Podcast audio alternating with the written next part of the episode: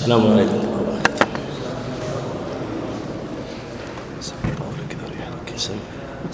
جزاك الله خير. الله يجزاك خير. ريح ما صفر بعيد زين.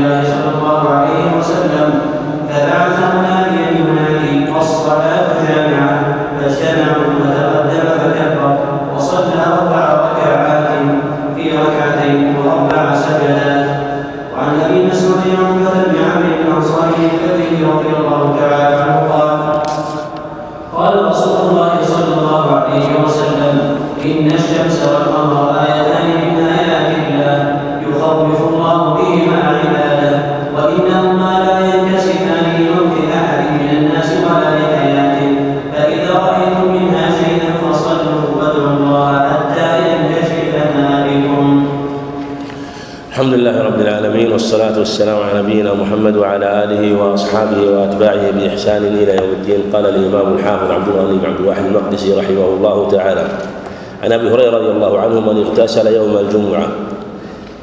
هذا الحديث في فضل الغسل يوم الجمعة وهو كما ثبت في صحيح مسلم خير يوم طلعت عليه الشمس يوم الجمعة. وفي حديث أبي لبابة عند ابن ماجه بسند صحيح إن سيد الأيام وأعظمها عند الله يوم الجمعة. ففضائله عظيمة ولهذا أمر عليه الصلاة والسلام بالغسل به وتقدمت الأخبار في هذا الباب. وفيه فضل الغسل يوم يوم الجمعة وأنه عليه الصلاة والسلام قال من راح فكأنما قرب بدنه. في رواية الموطأ بإسناد صحيح في الساعة الأولى في الساعة الأولى والمعنى مراد ومعروف لأنه قال ومن راح في الساعة الثانية. إلى آخر الحديث. فهذه خمس ساعات ثبتت في الصحيحين من راح في الساعة الأولى فكأنما قرب بدنه وفي الثانية فكأنما قرب بقرة وفي الثالثة فكأنما قرب كبشا أقرا وفي الرابعة دجاجة وفي الخامسة بيضة. جاء عند النسائي بإسناد صحيح ذكر البطة والعصفور واختلف في ثبوتهما. وتقسيم الساعات إلى خمس ساعات والأظهر والله أعلم أن ساعات الجمعة تبدأ من طلوع الشمس. هذا هو الأظهر وعلى هذا يقسم ما بين طلوع الشمس إلى زوال الشمس إلى خمس ساعات ولا ينظر إلى طول الوقت وقصره. فهذه هي الساعات الآفاقية لا الساعات التعديلية التي هي ستون دقيقة بل هي الساعات الآفاقية. فيوم الجمعة ثنتا عشرة ساعة كما في حديث جابر عند أبي داود بسناد صحيح يوم الجمعة ثنتا عشرة ساعة. فهو إذا كان اليوم المعتدل استوى الليل والنهار فإنه تتوافق الساعة الآفاقية والساعة التعديلية. وإن كان النهار طويلا بلغ خمسة عشر ساعة آه، عشرة ساعة فإنه تكون الساعة هذه تقترب من آه، ساعة وربع للساعات التعديل يعني نحو من خمس وسبعين دقيقة. وعلى هذا تقسم ما بين طلوع الشمس إلى زوال الشمس خمسة أقسام والساعة الأولى من طلوع الشمس إلى نهايتها. فمن خرج في أولها فهو كأنما قرب بدنه و وفي وإن خرج في وسطها كذلك. لكن ليست بدنة من تقرب في الساعة الأولى كمن تقرب في الساعة في وسطها. وهكذا كمن سار في وسطها. وهكذا من سار في آخرها. وجاء رواية عند عبد الرزاق تبين أن البدنة واحدة في أول الساعة وفي آخرها لكن تختلف البدنة بحسب عظمها. وهذا يجري في مسائل كثيرة فيما جاء فيه فضل معين فإنهم يستوون في أصل الفضل لكن تتفاوت درجاتهم بحسب تقدم مثل من صلى الجماعة فإن له سبعا وعشرين درجة أو خمسا وعشرين درجة. هم مستوون في العدد لكن من أجاب المؤذن وبادر إلى المسجد وصلى التحية وصلى ما كتب له. لا شك أن درجاته السبع والعشرين ليست مثل درجات من جاء عند إقامة الصلاة. وهكذا مثلا كما سيأتينا في قراريط. من تبع الجنازة من تبع الجنازة فالقراط واحد لكن يعني من جهة القدر لكن يختلف القراط من شخص إلى شخص ولهذا قال عليه الصلاة والسلام عند مسلم أصغرهما مثل أحد فالقراريط تختلف بحسب حال المتقرب وبحسب تقدمه وبحسب رغبته في الخير وهكذا أيضا في البقرة والكبش والدجاجة والبيضة. ومما يدل على أن الوقت من طلوع الشمس على الأظهر أن ما قبل طلوع الشمس من وقت الفجر. ولهذا لو كان كما قال بعضهم إنه من طلوع الفجر لكان من ذهب إلى صلاة الفجر يكون قصده لصلاة الفجر والجمعة واحدا وهذا يبعد لأنه قال من راح. من راح فكأنه يعني قصد للصلاة الجمعة خصوصا دون قصد صلاة الفجر مع صلاة الجمعة. ومن جاء بعد ذلك بعد خروج الإمام فهو لم يكتب في صحائف الملائكة إيه، ولهذا قال فإذا خرج لحضرة الملائكة يستمعون الذكر. عن سلمة بالأكوع وهذا يبين أن تعالى فاسعوا إلى ذكر الله أنه يشمل الخطبة ويشمل الصلاة. عن سلمة الأكوع رضي الله عنه وكان من أصحاب الشجرة قال كنا نصلي مع رسول الله صلى الله عليه وسلم. هذا الحديث وبالرواية الأخرى وفي لفظ كنا نجمع هذا اللفظ عند مسلم. هذا اللفظ عند مسلم. إذا زالت الشمس ثم نرجع فنتتبع نتتبع الفي هذه الرواية تبين رواية الصحيحين. رواية الصحيحين وننصرف وليس للحيطان ظل يستظل به أو نستظل به. الرواية الثانية فسرت لأن يحتمل الرواية الأولى أنها قبل الزوال لكن الرواية التي ذكر رحمه الله تفسر وتبين وهذه كما تقدم غير مرة أن أهل العلم يعتنون بالروايات والروايات والزيادات مهمة في ترجيح الأقوال ولهذا ينبغي التمييز بين الزيادات وعدم الخلط بين الرواية في التي تكون للصحيحين والرواية التي تكون لأحدهما لأن بعض الروايات تكون أوضح تكون رواية ظاهرة على القول والأخرى نص والنص في هذا ليس ليس ليس محل احتمال.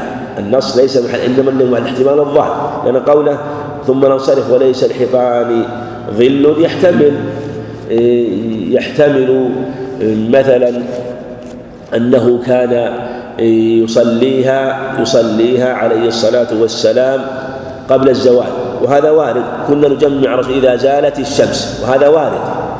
وقد يكون فعل هذا وهذا عليه الصلاة والسلام. لأنه قال أنه ينصرف ينصرف من الجمعة وليس للحيطان ظل والنبي عليه الصلاة والسلام كان يخطب الناس ثم يصلي وكانت صلاته عليه الصلاة والسلام يتمها في ركوعها وسجودها. في الغالب أن هذا ربما يكون قبل الزوال يكون قبل يكون قبل الزوال لأن قال ظل يستظل به ومثل هذا لو لو كان يصلي بعد الزوال قد قد يقال إنه يكون هناك ظل يستظل به. وهذا محتمل لكن جاءت هذه الرواية إذا زالت الشمس إذا زالت الشمس ثم نرجع فنتتبع الفي وجاء في رواية البخاري عن أنس أنه كان يصلي الجمعة إذا زالت الشمس. وجاء في صحيح البخاري في قصة السقيفة أن عمر رضي الله عنه خرج لما زالت الشمس وكذلك ثبت عن أبي بكر وعن جمع من الصحابة رضي الله عنهم أنهم كانوا يجمعون آه، عن أبي بكر وعن علي إذا زالت الشمس وجزم به البخاري رحمه الله. لكن ثبت في صحيح مسلم أنهم كانوا يصلون مع النبي عليه الصلاة والسلام ثم يرجعون إلى رحالهم ويروحونها حين زوال الشمس.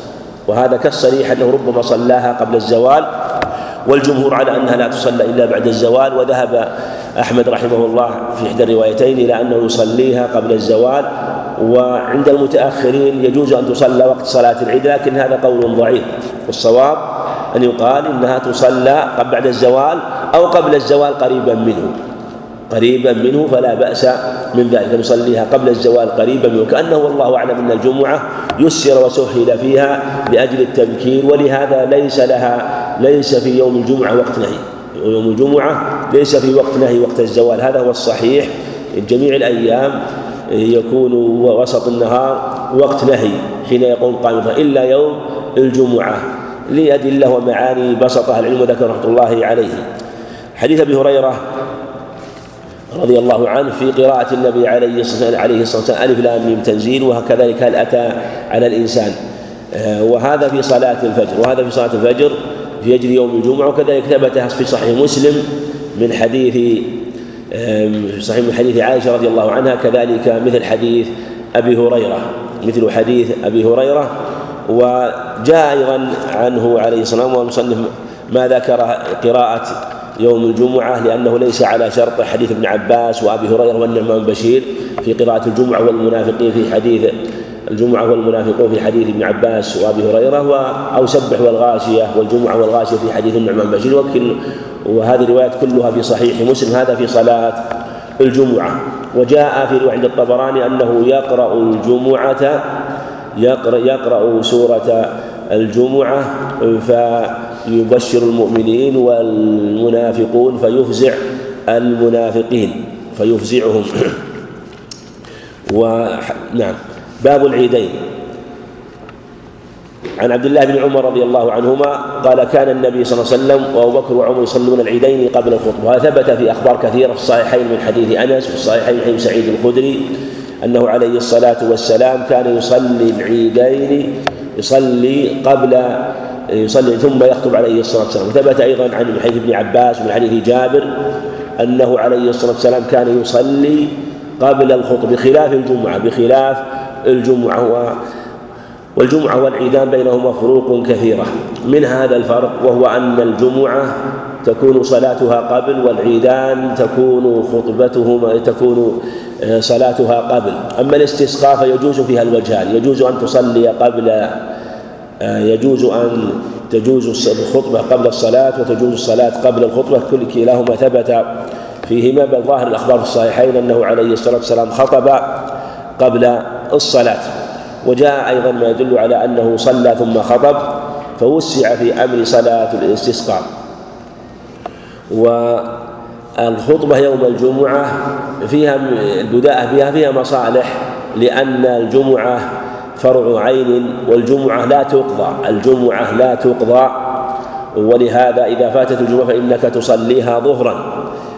فلعل من المعاني كما أشار بعض العلم أنه إذا قدمت الخطبة فمن آه، غفل عنها أو نام أو تأخر يكون سببا يدرك به الصلاة يكون سببا يدرك به الصلاة فتكون الخطبة بين يدي الصلاة قبلها.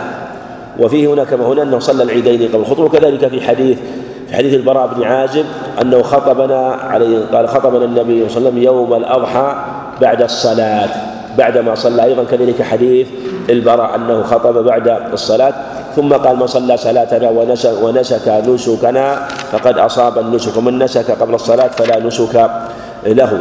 وكذلك في الصحيحين من حديث أنس أيضا أن من نسك بعد الصلاة فقد أصاب سنة المسلمين. في أحاديث كثيرة عن النبي عليه الصلاة والسلام دلالة على أن الأضحية لا تجزئ قبل الصلاة بل لا تكون إلا بعد الصلاة فوقتها يكون بعد صلاة العيدين.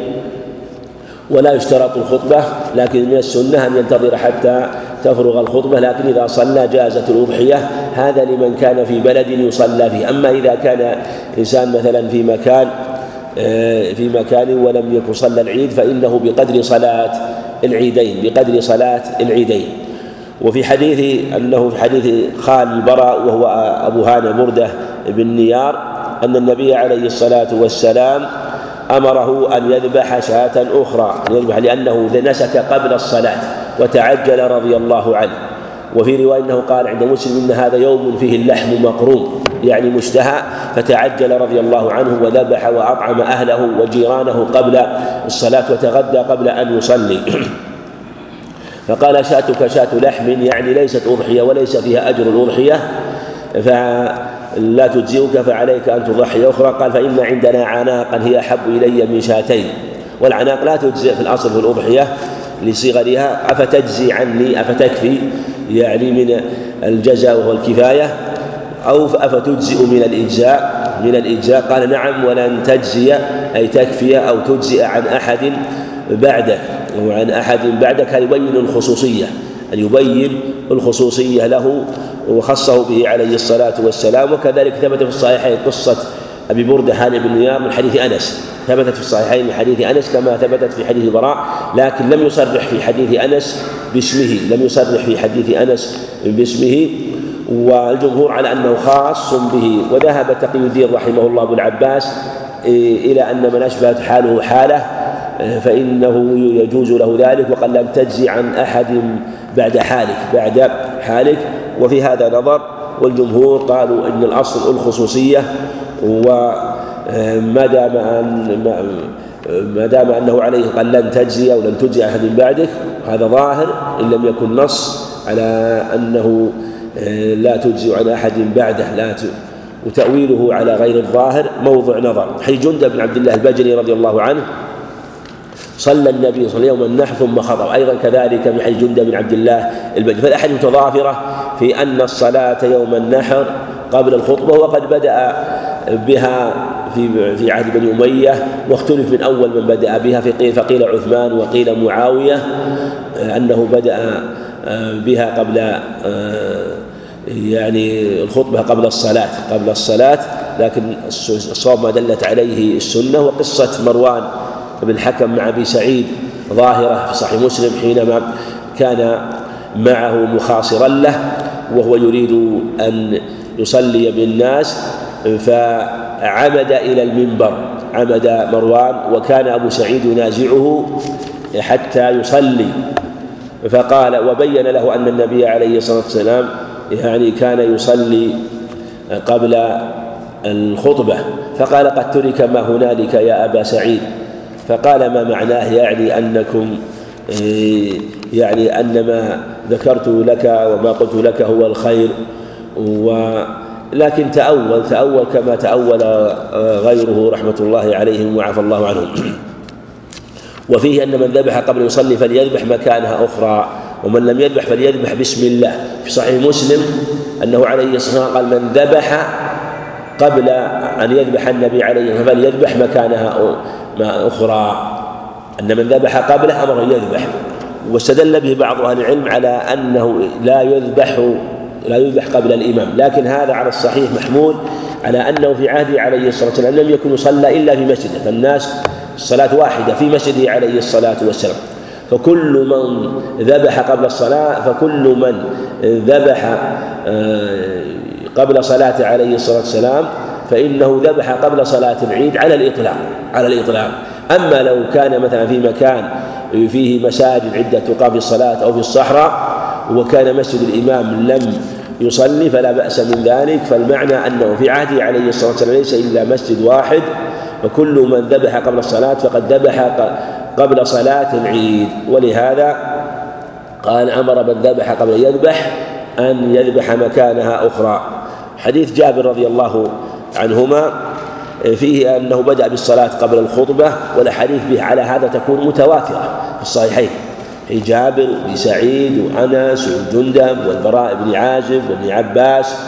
كلها دالة على أنه عليه الصلاة والسلام بدأ بالصلاة قبل الخطبة وكلها متفق عليها. لكن في حديث جابر بلا أذان ولا إقامة وكذلك في حديث جابر بن سمرة في صحيح مسلم بلا أذان ولا إقامة ولا شيء. ما في لا أذان ولا إقامة ولا شيء وذلك أن صلاة يستعد لها والناس يحضرون لها. إنما النداء يحتاج له في التنبيه إلى شيء يغفلون عنه أو في شيء يتكرر. أما صلاة العيد فالناس مستعدون لها متهيئون لها فلا يحتاج إلى شيء من ذلك ولها بل بلا أذان ولا إقام. ذلك أيضا صلاة الجنازة. فالنداء على ثلاثة أقسام النداء الأتم وهو نداء الصلوات الخمس و أو الصلوات على ثلاثة أقسام. صلاة ينادى لها بأتم النداء وهي الصلوات الخمس. صلوات لا ينادى بين يديها بأي شيء لا بأذان ولا إقامة ولا بأي تنبيه وهما العيدان. وكذلك أيضا آه، صلاة الاستسقاء. وصلاة يقال الصلاة جامعة وهي صلاة الكسوف في حديث عبد الله بن عمرو وعائشة رضي الله عنهم كما سيأتي. ثم قام متوكئا على بلال. في دلالة على لا بأس أن يتوكأ على الخطيب على شيء على عصا أو على منبر فلا بأس من ذلك. والنبي عليه الصلاة والسلام كان خطب الناس ثم بعد ذلك آه، توجه إلى النساء قال ثم مضى إلى حتى أتى النساء فوعظهن وذكرهن. فيه أن المقصود من الخطبة هو الموعظة والتذكير وفيه تخصيص النساء. بخطبة وذلك أن خطبته ربما لم تبلغهن أو ربما يبلغهن بعض يبلغهن بعض الشيء دون تمام خطبته فكان يقصد إليهن عليه الصلاة والسلام ويذكرهن. أما اليوم مع وجود المكبرات فإن الخطبة تكون للجميع لكن يشرع أن يتوجه توجها خاصا للنساء ببعض الخطاب آه، الذي يحتاجنه في أمورهن وشؤونهن. لا بأس لأنه ربما تغفل عن بعض الشيء وتنشغل عن بعض الأمور التي هي من الأمور الواجبة أو المشروعة في حقها أو التنبيه على بعض الأمور المنتشرة من الأمور الواقعة بين النساء من منكرات وغير خاصة تتعلق باللباس والتبرج ونحو ذلك. ثم قال تصدقنا فإن كنا أكثر حطب جهنم. فقامت امرأة من سطة النساء أي من وسط النساء فعال خدين أي في خديها شيء من سواد. فالمعنى أن الصدقة مشروعة للجميع لكن خص النساء لأنه ربما وقع منها شيء من التجاوز في حق العشير الزوج. وفي دلالة على أن الصدقة من أسباب تكفير السيئات. وقال وقال علي قالت لما يا رسول الله؟ لما؟ لما؟ هذه اللام هذه يعني بالميم بالميم بدون بدون الألف لأنها اللام هذه حرف جر. فلهذا ما تقول لما لما يا رسول الله؟ قال لأن كنا تكثرن الشكات الشكوى تكثرن الشكات أي وتكفرن العشير وتكفرن العشير. قال فاجعلن يتصدقن من حليهن أو من حليهن. يقال الحلي والحلي الحلي والحلي. ومن أقراطهن الأقراط لتكون في الأنف. والخواتيم تكون في الأصابع وتكون في الرجلين. فيه سرعة بذلهن رضي الله عنهن ومحبة ومحبتهن للصدقة. فبادرن رضي الله عنهن إلى الصدقة. وفي دلالة أن المرأة تتصدق من مالها وأن لا تحتاج أن تستأذن زوجها. ولم يقل عليه الصلاة والسلام استأذن أزواجكن أو استأذنتن أزواجكن. المرأة تتصدق من مالها ولا التصرف التام في مالها. وما روى أبو داود من حديث عبد الله بن عمرو لا يحل امرأة تصرف مالها بعد أن يملك زوجها عصمتها إلا بإذن هذا حديث رواه أبو داود بإسناد ظاهره الصحة والحديث ما يعارض الأخبار الصحيحة مثل هذا الخبر ومثل ما ثبت الصحيحين من حديث ميمونة أنها قالت يا رسول الله مثل هذا أشعرت يا رسول الله أني أعتقت فلانة؟ قال عليه الصلاة والسلام أما إنك لو أعطيتها أخوالك كان أعظم لأجرك. وفي لفظ عند النسائي بسناد صحيح أما إنك لو افتديت لو افتديت بها ابنة أختك من رعاية الغنم. رعاية الغنم كان أعظم لأجرك ولم يقل لما لم تستأذنيني بل أذن لها عليه الصلاة والسلام وكان يأمر بالصدقة ويأمر النساء بالصدقة فالمرأة تصرفها تصرف تام ولها ولاية تامة في مالها. لكن لا مانع أن تكون الاستشارة خاصة في بعض الأمور حينما تريد مثلا شيء من وجوه الخير و تستشير في مثل هذا كما أن الرجل أيضا يستشير فالمشورة بينهما من الأمر الحسن حتى ينفق على أبلغ الوجوه في المصالح. قال فجعلنا يتصدقن من حليهن. رضي الله عنه في ثوب بلا في دلالة على أن جمع الصدقة من الأمر المعروف المشروع في ذلك الوقت. عن أم عطية رضي الله عنها وابن شيبة الأنصارية قالت أمرنا النبي عليه الصلاة والسلام أمرنا تعني النبي عليه الصلاة والسلام أن نخرج في العيدين العواتق أن نخرج في العيدين العواتق. مثل ما تقدم أن العواتق يخرجن آه، ويشهدن الخير ودعوة المسلمين ويعتزلن مصلى المسلمين. المصلى على الصحيح فيما يظهر والله أعلم موضع الصلاة لا نفس المصلى. هذا هو الأظهر والله أعلم. ليس المعنى يعتزلن المصلى نفس يعتزلن مصلى أخواتهن حتى لا يضيقن عليهن. وإلا فالمصلى على الأظهر لا يأخذ حكم المسجد وإلا لو كان يأخذ المسجد لا لكان محرم في زمن النبي عليه الصلاة والسلام يمنع من وقوع ما يقدره من قدر أو نجاسة ولم يعرف هذا في عهد النبي عليه الصلاة والسلام.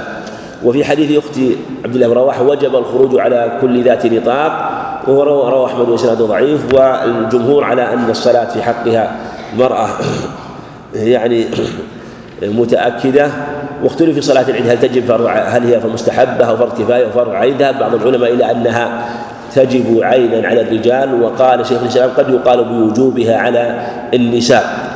وفي لفظ أي لهما كذلك نؤمر أن نخرج يوم العيد البكر من خدرها من لعظم وبركة ذلك اليوم وعنده فيشهد الخير ودعوة المسلمين. باب صلاة الكسوف. حديث عائشة رضي الله عنها فيه أن الصلاة ينادى لها الصلاة جامعة وأنه صلى أربع ركعات أربع ركوعات في ركعتين. هذا هو الصواب أربع ركوعات في ركعتين. وكذلك في حديث عبد الله بن عمرو وفي حديث أسماء وفي حديث عائشة كما هنا في حديث ابن عباس. هذا هو الصواب. ولعل يأتي الإشارة إلى أحاديث أخرى. حديث ابن مسعود رضي الله عنه.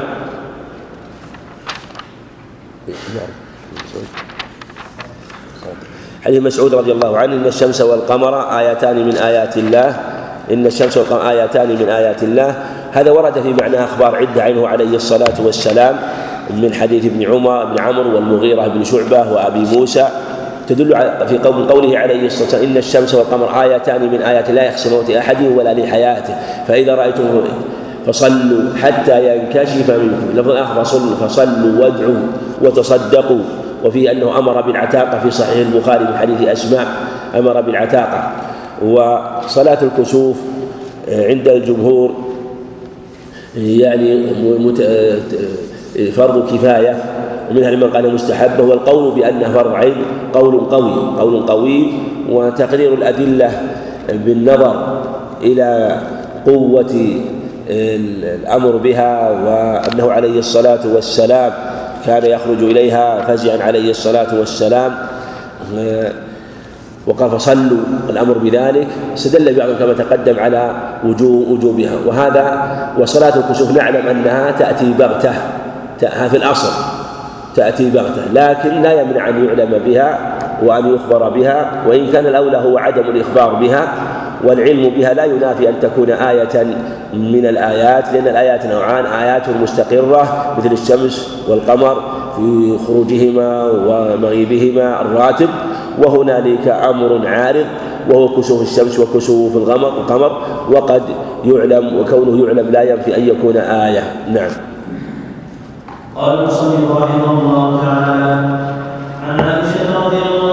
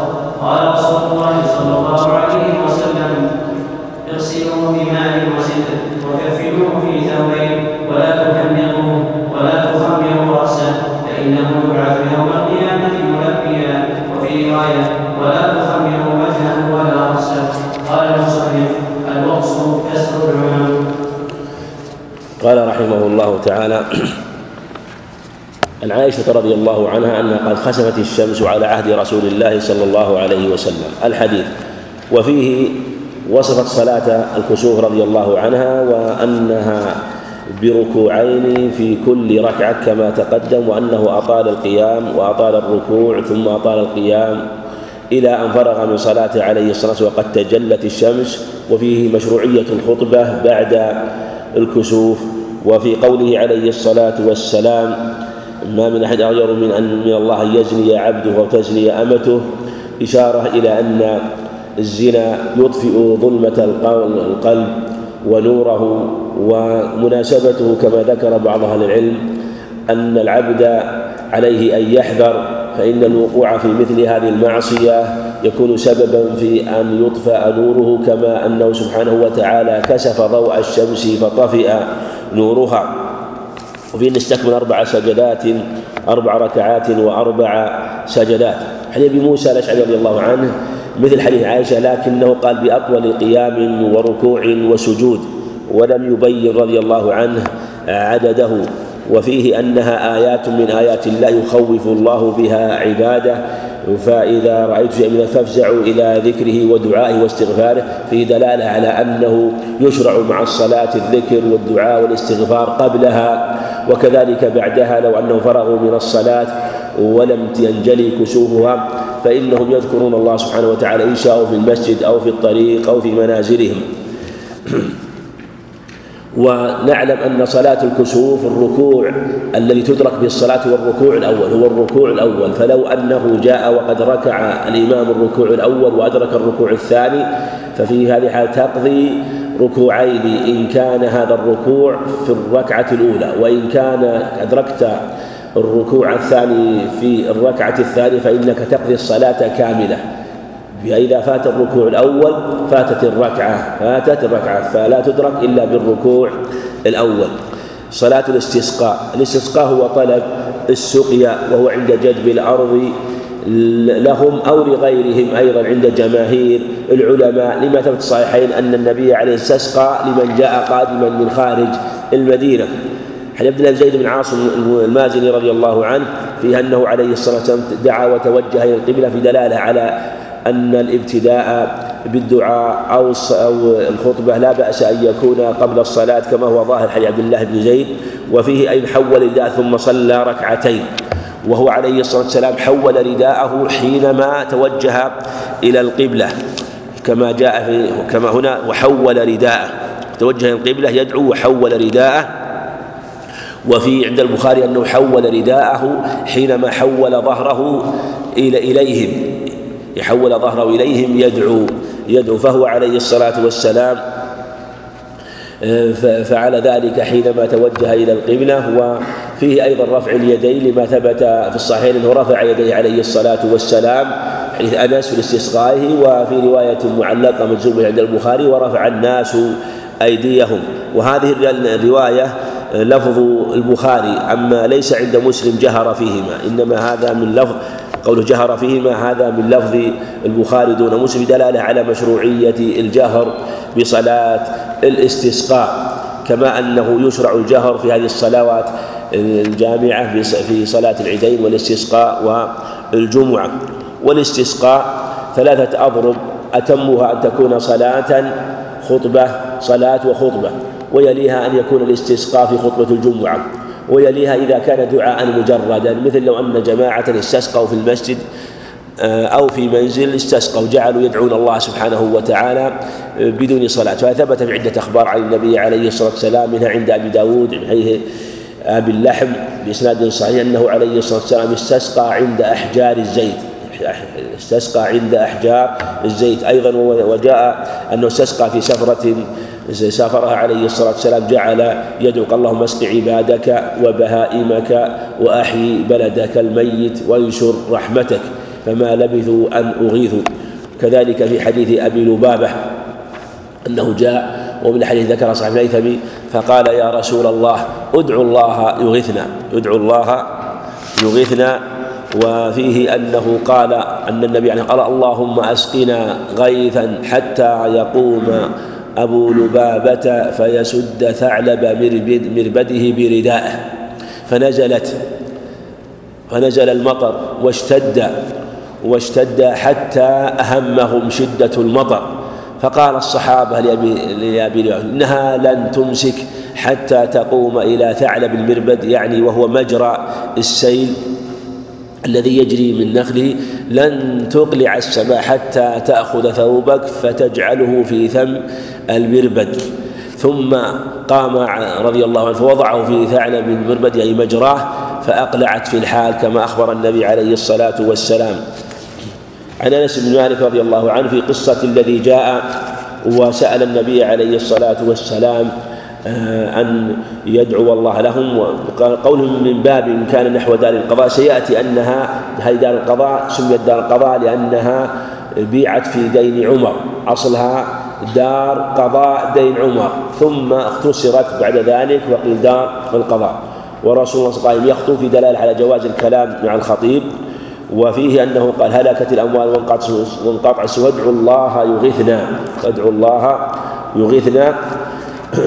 وفي رواية يغيثنا أو يغيثنا. قال فرفع رسول الله يديه كما تقدم فدل على مشروع رفع اليدين استسقاء في الاستسقاء. وليس في السماء سحاب ولا قزعة يرون سلع. ما يحول بينه وبينهم شيء. حتى خرجت سحابة صغيرة مثل الترس الذي يوضع على الرأس ثم توسطت ثم انتشرت في الحال ثم تلبدت السماء ثم ثم أمطرت. فلا والله ما رأينا الشمس سبتا يعني أسبوعا. ثم جاء رجل قيل هو ذاك الرجل وقيل غيره فسأل النبي عليه أن يدعو الله أن يمسكها. وهذا يبين ضعف الإنسان. في تلك الجمعة يسأل الله الغيث وفي هذه الجمعة يسأل الله أن يمسك عنهم المطر وأن يحبسه عنهم. النبي عليه الصلاة والسلام لم يدعو بأن توفق. اللهم حوالينا ولا علينا اللهم على كامي والضراب وبطون أودية ومنابت الشجر. فأقلعته فاستجيب له في الحال لما دعا. فتلبدت السماء واستجيب له في الحال وهي تمطر. فأقلعت السماء فصلوات الله وسلامه. فقال وخرجنا نمشي في الشمس. والآكام كما جمع آكمة وهي أعلى من رمي دون الهضبة. باب صلاة الخوف. صلاة الخوف مشروعة عند وجود سببها. والله سبحانه يقول وإذا ضربت وإذا كنت فيهم فأقمت لهم الصلاة فلتقم طائفة منهم معك. فإذا سجدوا فإذا سجدوا فليكونوا من ورائهم. ولتأتي طائفة أخرى لم يصلوا فليصلوا معك. وليأخذوا حذرهم وأسلحتهم. فإذا فليكونوا من ورائهم. ولتأتي طائفة لم يصلوا فليصلوا معك. وهذه الصفة التي في صفة في صفة صلاة الخوف صفات عدة عن النبي عليه الصلاة والسلام. هذه الصفة في حديث عبد الله بن الخطاب رضي الله عنهما قال صلى بنا رسول الله صلى الله عليه وسلم صلاة الخوف في بعض أيامه. وهذه في أنه طائفة معه وطائفة بإزاء العدو. فيما إذا كان العدو في غير جهة القبلة إذا كان العدو في غير جهة القبلة. ما هي الصفة؟ هذه إحدى الصفات. صلى بالذين معه ركعة. وطائفة تحرس في وجاه العدو. فصلى بهم ركعة ثم لما صلى بهم ركعة ذهبوا إلى مكان إخوانهم وإخوانهم في مكانهم لا يتركون الحراسة حتى يستلمون حتى يستلموا الموقع منهم. ثم إذا استلموه جاءوا والنبي قائم عليه الصلاة والسلام في الركعة الثانية. فيصلون معه الركعة الثانية وراءه الركعة الثانية. ثم يسلم عليه الصلاة والسلام وقضت الطائفتان ركعة ركعة إذا هذه الصفة واضحة. يصلي بالطائفة الأولى ركعة معه والطائفة الثانية ما أحرمت معه أحرمت مع الطائفة الأولى. الثانية تحرس في وجه العدو.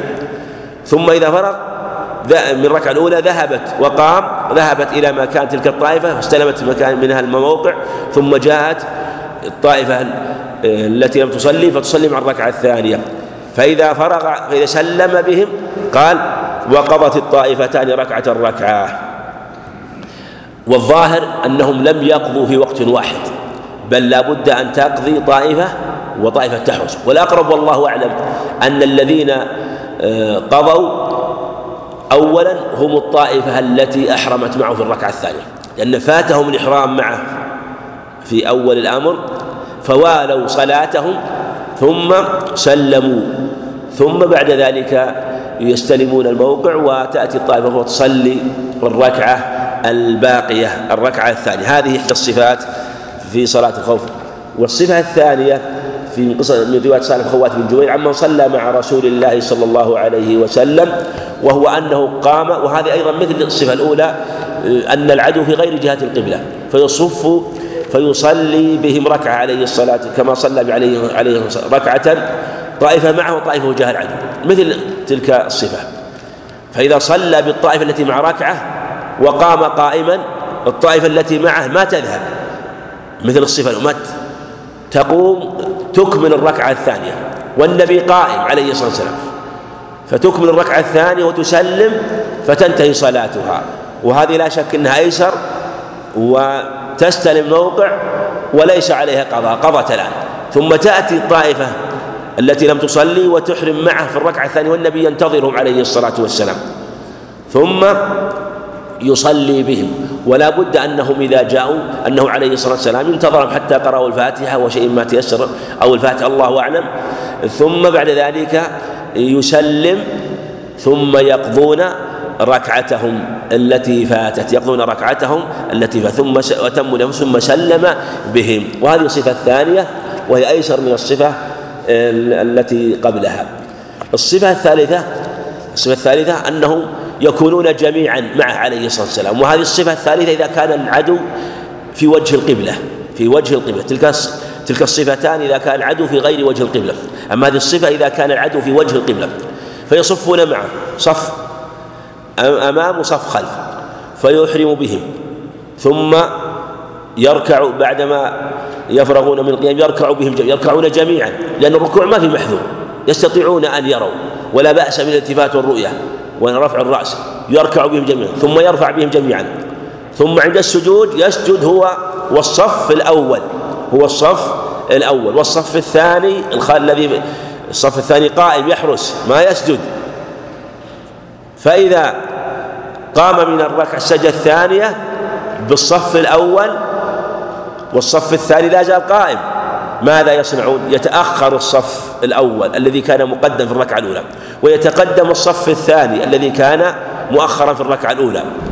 ثم يسجدون ثم يسجدون ثم يقومون ثم يقومون ثم يركعوا من الركعة الثانية جميعا كما صنع في الركعة الأولى. ثم بعد ذلك يسجد هو الصف الأول الذي كان مؤخرا في الركعة الأولى. يعني عدل بين الصفين. حتى في هذا المقام عدل عليه الصلاة لم يجعل الصف الأول يحرس في الركعتين لا عدل بهم عليه الصلاة والسلام. فهذا الصف الذي سجد معه كان يحرس في حال السجود في الركعة الأولى. والذي كان سجد معه في الركعة الأولى الآن هو الذي يحرس. هو الذي يحرس. فيسجدون والصف الثاني الذي كان مقدما في الركعة الأولى قائم يحرس. قائم يحرس. فإذا فرغوا من السجود رفعوا وجلسوا فإنهم يسجدون ثم يسلموا بجنة هذه صفة سهلة يعني ويسيرة. وهذا الخبر كما ذكر المصنف رحمه الله ذكره مسلم بتمامه. وهو عند البخاري مختصر رحمه الله. وهناك صفة أيضا سهلة ويسيرة وهي أنه يصلي بكل طائفة ركعتين. ثبتت في صحيح مسلم أنه صلى بطائفة ركعتين ثم انصرفت وجاءت الطائفة صلى ركعتين ولم يذكر أنهم سلموا. وجاء من رواية الحسن عن سمرة أن أو عن جابر أنه عند النسائي أنه سلم بهم عليه الصلاة والسلام. وهو ظاهر رواية مسلم لكن ليس نصا. فعلى هذا تكون آه، يكون والله صلى بالطائفة الأولى ركعتين وتكون في حقه فرض. وبالطائفة الثانية صلى ركعتين وتكون في حقه نفل. صلى ركعتين ركعتين وتكون في في الأولى فرض وفي الثانية نفل. وصفات صلاة الخوف كما تقدم كثيرة جدا كثيرة جدا. آه، لكن أصولها ترجع إلى خمس أو ست كما نبه ابن القيم رحمه الله. ولماذا كثرت؟ لأن العدو يختلف في جهته وفي قوته وأخذ الحذر منه ويستعمل في كل حال ما هو أنسب. وفي مثل هذا الوقت يختلف صلاة الخوف بحسب آه، يعني الحال وبحسب آه، يعني قتال العدو. ولهذا يحتاج إلى صلاة الخوف كثيرا. في مثل يحتاج إلى صلاة الخوف كثيرا حتى وإن تنوع السلاح آه، فيما يركب من طائرات ودبابات فإنه يحتاج إليها. وتكون صلاة الخوف بحسب الحال التي يمكن أن تؤدى به الصلاة. كتاب الجنائز.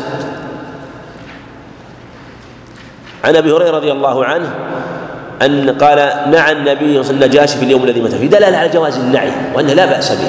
أما حديث نهى عن النعي فهو ضعيف. حديث حديث رواه حذيفة حديث الترمذي وضعيف وكذلك رواه آه، من حديث مسعود.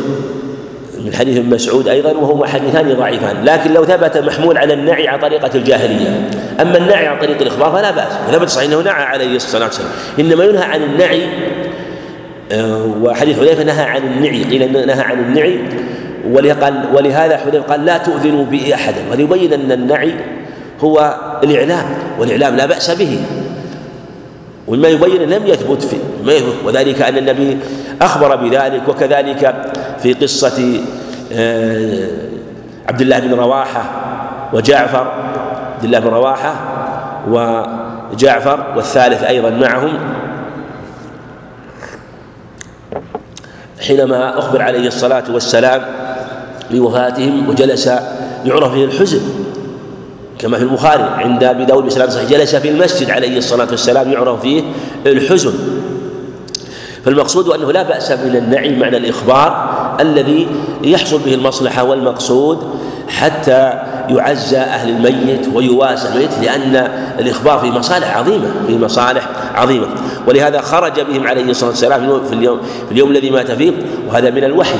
المسافة طويلة جدا مع ذلك نزل عليه الوحي وأخبره بوفاة النجاشي وقال قد مات اليوم أخ لكم صالح. في الروايه الاخرى فصف بهم وكبر أربع. فيه أن تكبير الجنازة أربع. هذا ثبت أيضا في حديث ابن عباس في الصحيحين أنه كبر آه، على ذلك الميت على قبره أربعا عليه الصلاة والسلام. وفيه صلاة الغائب. هل تشرع أو لا تشرع؟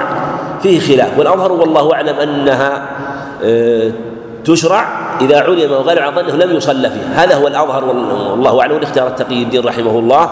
ولهذا لم ينقل أنه صلى عليه الصلاة والسلام على ميت إلا على النجاشي إلا على أما حديث معاوية معاوية الليثي أنه صلى عليه وأنه آه، بلغه وفاته وهو بتبوك وأنه توفي المدينة وأنه فسح له عن قبره فهو حديث لا يصح. حديث لا يصح. بعضهم العلم يقول إنه حديث باطل. إنه حديث باطل. إنما ثبت في قصة النجاشي وحده. ومن أهل العلم من قال إنه يجوز إذا كان الميت إلى جهة قبلتك.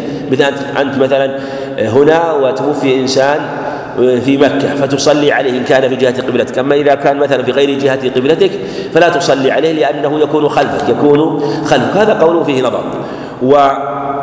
وبوب أبو داود رحمه الله بابا مهما وقال ما معنى أو قال رحمه باب الصلاة على المسلم يليه أهل الإشراك في بلد آخر. وهذه الترجمة تختصر الأقوال وتختار القول الأظهر. ولهذا قال يعني باب الصلاة على المسلم يليه أهل الشرك ببلد آخر. والمعنى أنه إذا علم أنه يلي أهل الشرك فإنهم لا يصلون عليه لا يصلون عليه. ومنهم من خالف وقد يبعد أن يكون النجاشي لم يسلم معه أحد وهو ملك الحبشة. وهذا في نظر يمكن أنه أسلم معه أحد وأنهم لم يعلموا مشروعية صلاة الجنازة. حتى قيل إنه لم يحج وقيل إنه لم تبلغه الصلاة فمن صلاة الجنازة أخفى من هذا. حجاب رضي الله عنه أنه صلى على النجاشي في النجاشي قال فكنت في الصف الثاني أو الثالث. استدل بهذا من قال يشرع تكثير صفوف الجنازة وأنه لا يشرع إتمامها كسائر الصلوات والجمهور على أن صلاة الجنازة مثل غيرها من الصلوات تتم الصفوف. وذهب مالك بن هبيرة آه، إلى إلى أنه تجزأ واستدل بما روى عن النبي عليه الصلاة والسلام أنه عليه الصلاة والسلام قال من صلى عليه ثلاثة صفوف فقد أوجب. وهذا الحديث رواه طريق ابن إسحاق وجاء عند الروياني مصرح بالتحديث وله شاهد عند أبي بكر الشافعي في الغيلانيات من حيث هريرة وظاهر إسناده أنه لا بأس به. وعلى هذا يمكن أن يقال إن في صلاة الجنازة لا بأس من تكثير الصفوف خاصة عند قلتهم عند قلتهم.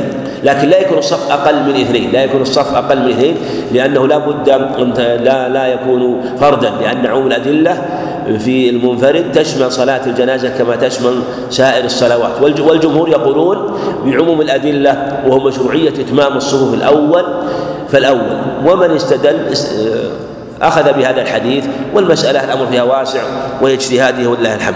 حديث عبد الله بن عباس رضي الله عنهما أن النبي عليه الصلاة والسلام آه، صلى على قبر بعد مدفن مثل ما تقدم لا بأس من الصلاة على القبر بعدما يدفن. وهذا هو الصحيح خلافا لأبي حنيفة ومالك ولا بأس أن تعيد الصلاة على الجنازة وإن كنت قد صليت عليها إذا كنت تبعا لغيرك كما صلى النبي عليه الصلاة والسلام على ذاك الذي بلغوه عنه وهو لم يعلم فصفوا صفوا مع عليه الصلاة والسلام وكانوا قد صلوا فكبر عليه أربعا.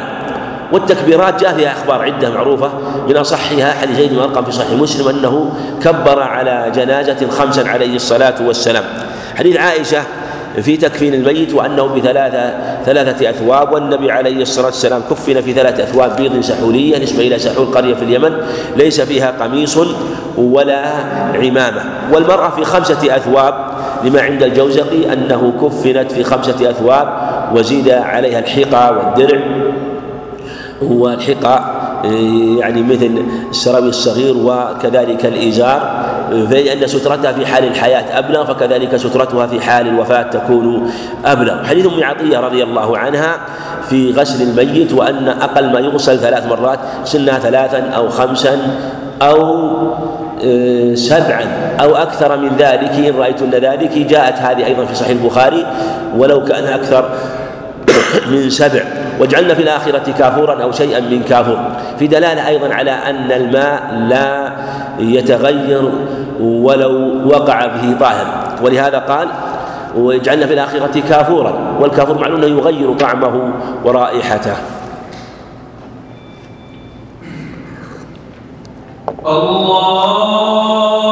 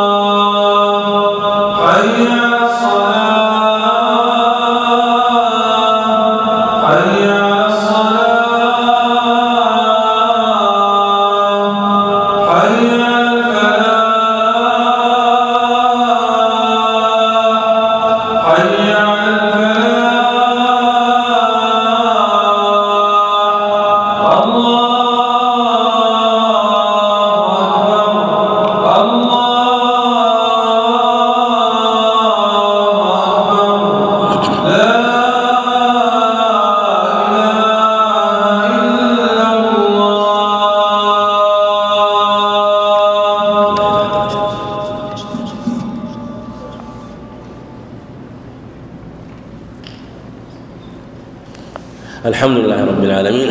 وفي أنه أمر أمرهن أن يجعلن قالت قالت أم عطية واجعلن راسها ثلاثة قرون وعند ابن حبان بسناد صحيح أنه عليه الصلاة والسلام أمرهن بذلك يعني يعني جدائل. وحديث ابن عباس كذلك فيه غسل المحرم وأنه يغسل وانه يكفن في ثوبيه وأنه يغسل بماء وسدر بدلالة على أيضا على أن الماء لا يتأثر بالسدر وأنه طهور. ودلائل هذه المسألة كثيرة ولا تحنطوه ولا تخمروا رأسه دليل على أن الحنوط طيب فلا يتطيب المحرم بالحنوط. وفي دلالة على أنه لا يغطى رأسه وكذلك وجهه أيضا على الصحيح لما روى مسلم. ولا تخمر راسه وجهه وهي عند مسلم من طرق عدة خلافا لمن أعلها من بعض الحفاظ رحمة الله عليهم. آه، لكن الحافظ رد عليه الحافظ رحمه الله في هذا وبين أن من تكلم فيها من المتقدمين فإنه لم يستوعب النظر في طرق في طرقه في صحيح مسلم. مما يتبين أنها محفوظة. هذه زيادة تخمر رأسه ولا وجهه والوجه أبلغ من الرأس في حق المحرم في عدم تخميره. نعم. قال المصنف رحمه الله تعالى عن ام عقيله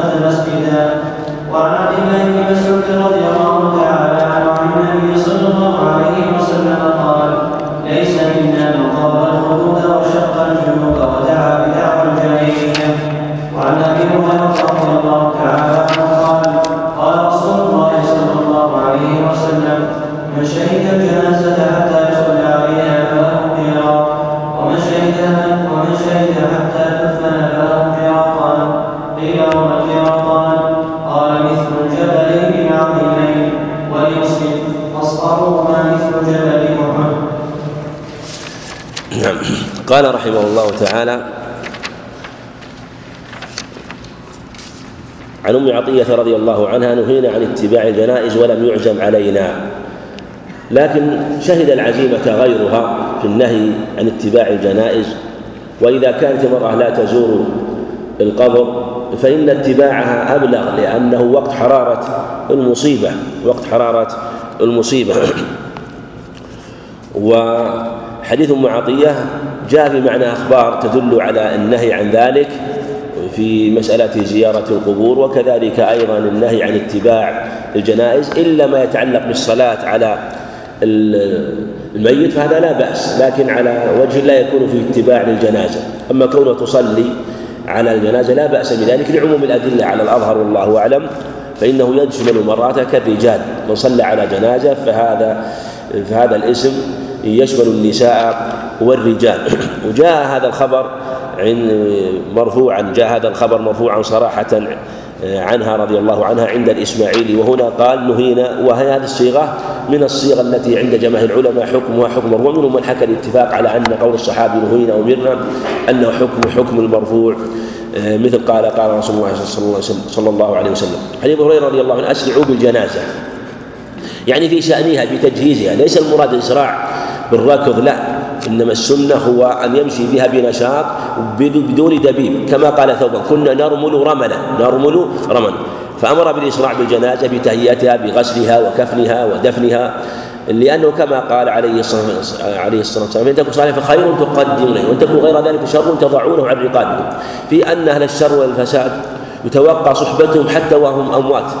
وهذا دليل شؤم مصاحبة أهل الشر والفساد وأنه يجتنب حتى ولو كان ميتا إلا من كانت صحبته على جهة إصلاحه.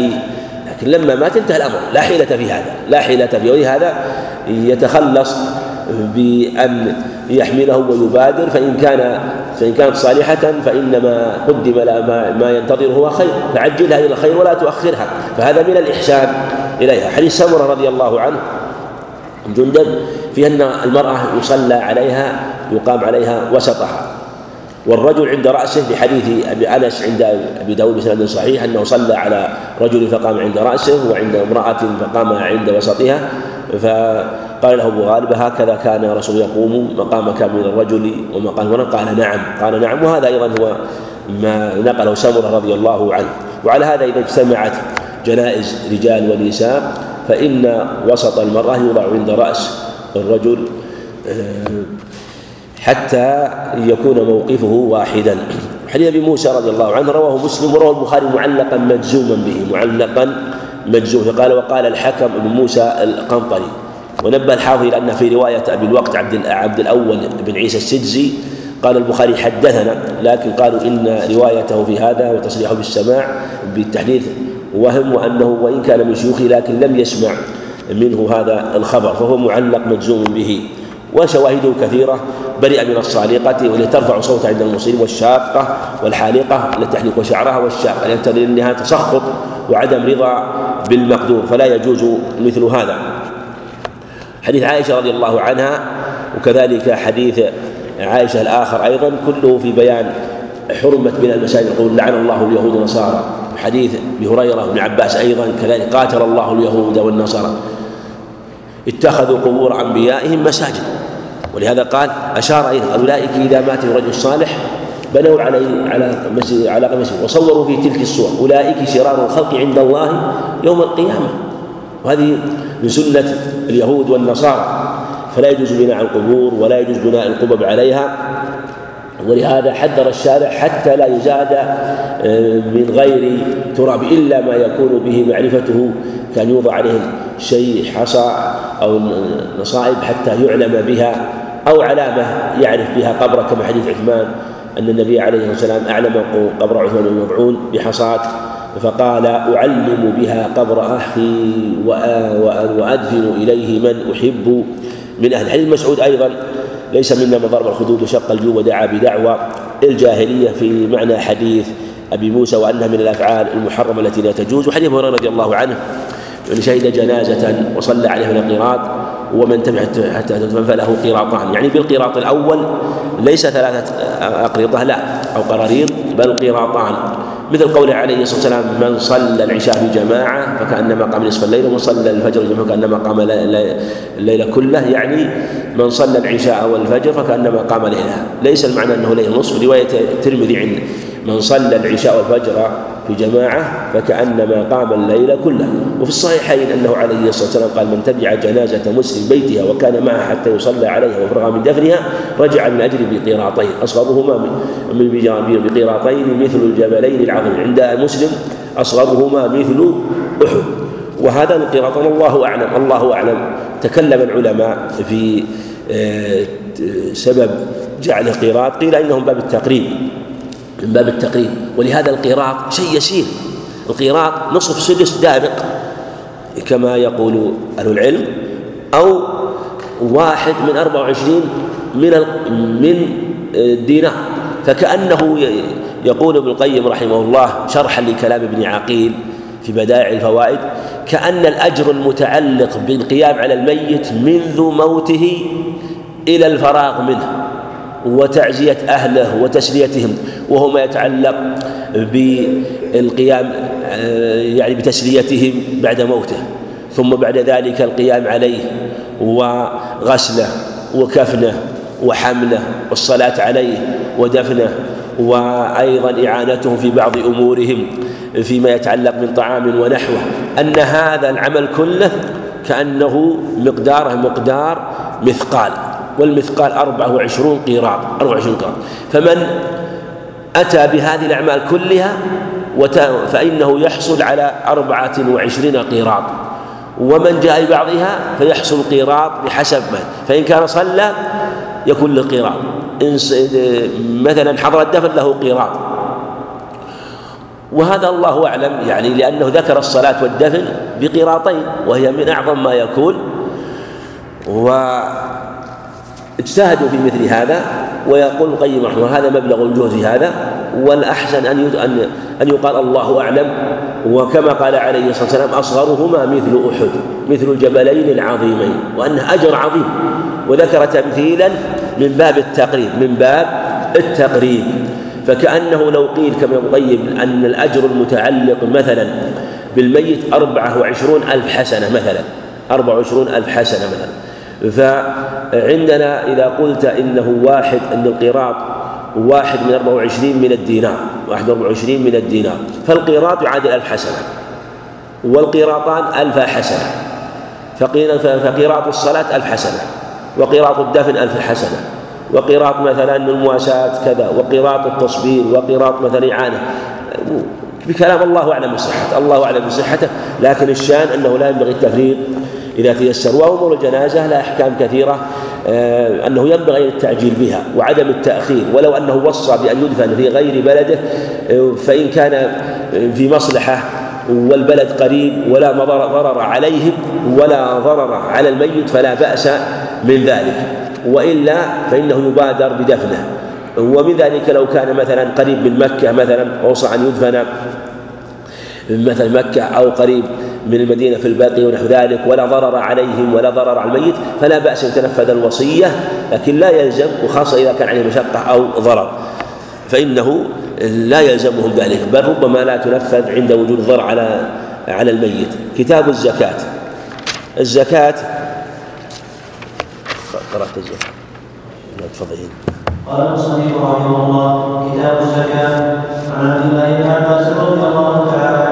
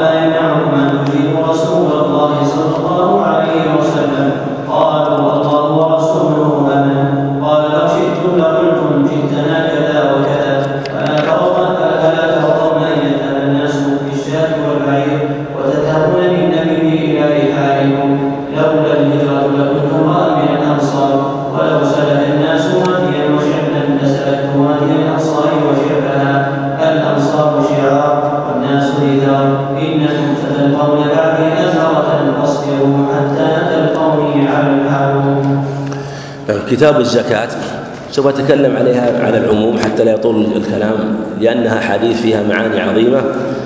حديث ابن عباس فيه أنه عليه الصلاة والسلام بعث معاذ اليمن وهذا في آخر حياته عليه الصلاة والسلام وفيه أنه والشاهد منها أنه أمرهم بالزكاة عليه الصلاة والسلام وأنها فرع صدقة في أموال تؤخذ منها ترد على فقرائهم في دلالة على أن الزكاة تصرف إلى الفقراء. قول فقرائهم هذا دليل لمن قال بجواز نقل الزكاة. المعنى فقراء المسلمين ولم يخص فقيرا من فقير. فما دام أن هناك فقير فهو مستحق للزكاة إلا إذا كان البلد الذي فيه المزكي فيه فقير فإنه يقدم. أما إذا كان في بلد آخر من هو أشد فلا بأس من تقديمه على غيره إذا رأى المصلحة ولا بأس أن ينقل الزكاة. وفيه أيضا توقي كرائم الأموال وأن العامل عليه أن يأخذ الوسط من المال لا يأخذ الشرار ولا يأخذ الطيب يأخذ الوسط يأخذ الوسط. كما قال الزهري يجعل الساعي المال ثلاثا ويعني جيد خير كريم المال أو طيبه ووسطه وشره ويأخذ من الوسط. حديث أبي سعيد الخدري رضي الله عنه في زكاة الفضة وأنها خمس أواق والفضة وخمس أواق مئة درهم ومئة درهم تعادل خمسمائة وسبعة وتسعين غرام خمسمائة وسبعة وتسعين غرام خمسمائة وسبعة وتسعين غرام هذا هو نصاب الفضة. فمن بلغ كان عنده هذا القدر بما يساوي وجبت عليه الزكاة. ولهذا تقوم الزكاة على الصحيح بالأقل من نصاب الذهب والفضة. والغالب أن الزكاة بنصاب الفضة تكون أقل ونصاب الفضة بقدر ما يساوي غرام الفضة. فإذا كان غرام الفضة مثلا يساوي آه، ريال فالزكاة 597 أو 95 الخلاف يعني شيء بسيط. والأحوط أن يجعلها 95 فيزكي إذا صار عنده 595 ريال وهو حال عليها الحول يعني لم ينقص عن هذا. لم ينقص عن هذا. وإن جعلت 600 وجبر الكسر فلا بأس فلا جبر لأنهم باب التقدير والتقريب. هذا إذا كان ثمن ثمن ريال. وإن كان مثلا قيمة الغرام ريالان فكذلك يعني 1200 أو تقصر شيئا قليلا. إذا لم ينقص عن آه، عن النصاب عن النصاب. فيزكي فيزكي المال الذي عنده. فإذا كان عنده مثلا ألف ريال حال عليه الحول ولم ينقص زكي ألف ريال. عنده ألف ريال كذلك. عشرة آلاف وهكذا. فيقدر بالفضة. فإذا نقصت مثلا يقول عنده خمسمائة ريال. نقصت عن النصاب. أو مثلا عنده في أول الحول مئة ألف. ثم أنفقها. اشترى سيارة وصار في وسط الحول ما بقي إلا خمسمائة. ثم عادت وصارت مئة ألف ريال. قبل نهاية الحول نقول لا زكاة عليك لأنها نقصت عن النصاب في وسط الحول فتبتدئ حولا من حين ما بلغت النصاب. فإذا بلغت مثلا في الشهر العاشر تبتدئ من وهكذا وهكذا. ولا ولا ولا فيما دون خمس ذود صدقة ذود الإبل. فأقل زكاة الإبل خمس. وسميت ذودا من ذاد يذود ذودا إذا دفع لأن من ملك خمسا من الإبل دفع وذاد الفقر عنه. وكذلك أوسق خمسة أوسق صدقة. الوسق ستون صاعا وهي ثلاثمائة صاع وهي بالتقدير بالكيلو ما يقارب ستمائة كيلو واثنى عشر واثنى عشر كيلو بالتقدير بالكيل. هذا هو تقديرها. فمن بلغت بعد التصفية مثلا 612 كيلو من الحب من أنواع الحبوب على الخلاف فيما تجب فيه الزكاة فإنه تجب فيه الزكاة. والعلماء اتفقوا على وجوب الزكاة في عشرة أشياء واختلفوا فيما سوى ذلك. تجب الزكاة في الذهب والفضة والإبل والبقر والغنم والبر والشعير والتمر والزبيب. هذه محل إجماع التسعة. العاشر عروض التجارة حكم المدن الإجماع عليها ولا شك أنها تجب الزكاة فيها. وما سوى هذه العشرة موضع خلاف بين أهل العلم موضع خلاف بين أهل العلم. فإذا بلغت لكن الحبوب الثمار نصابها ثلاثمائة صاع ثلاثمائة صاع ثلاثمائة. وكذلك أيضا مما تجب فيه الزكاة اليوم مثل المزارع التي يستغلها أهلها وتجعل للتجارة وتجعل للتجارة. فكذلك هل تجب فيها زكاة التجارة أو زكاة الزروع والثمار؟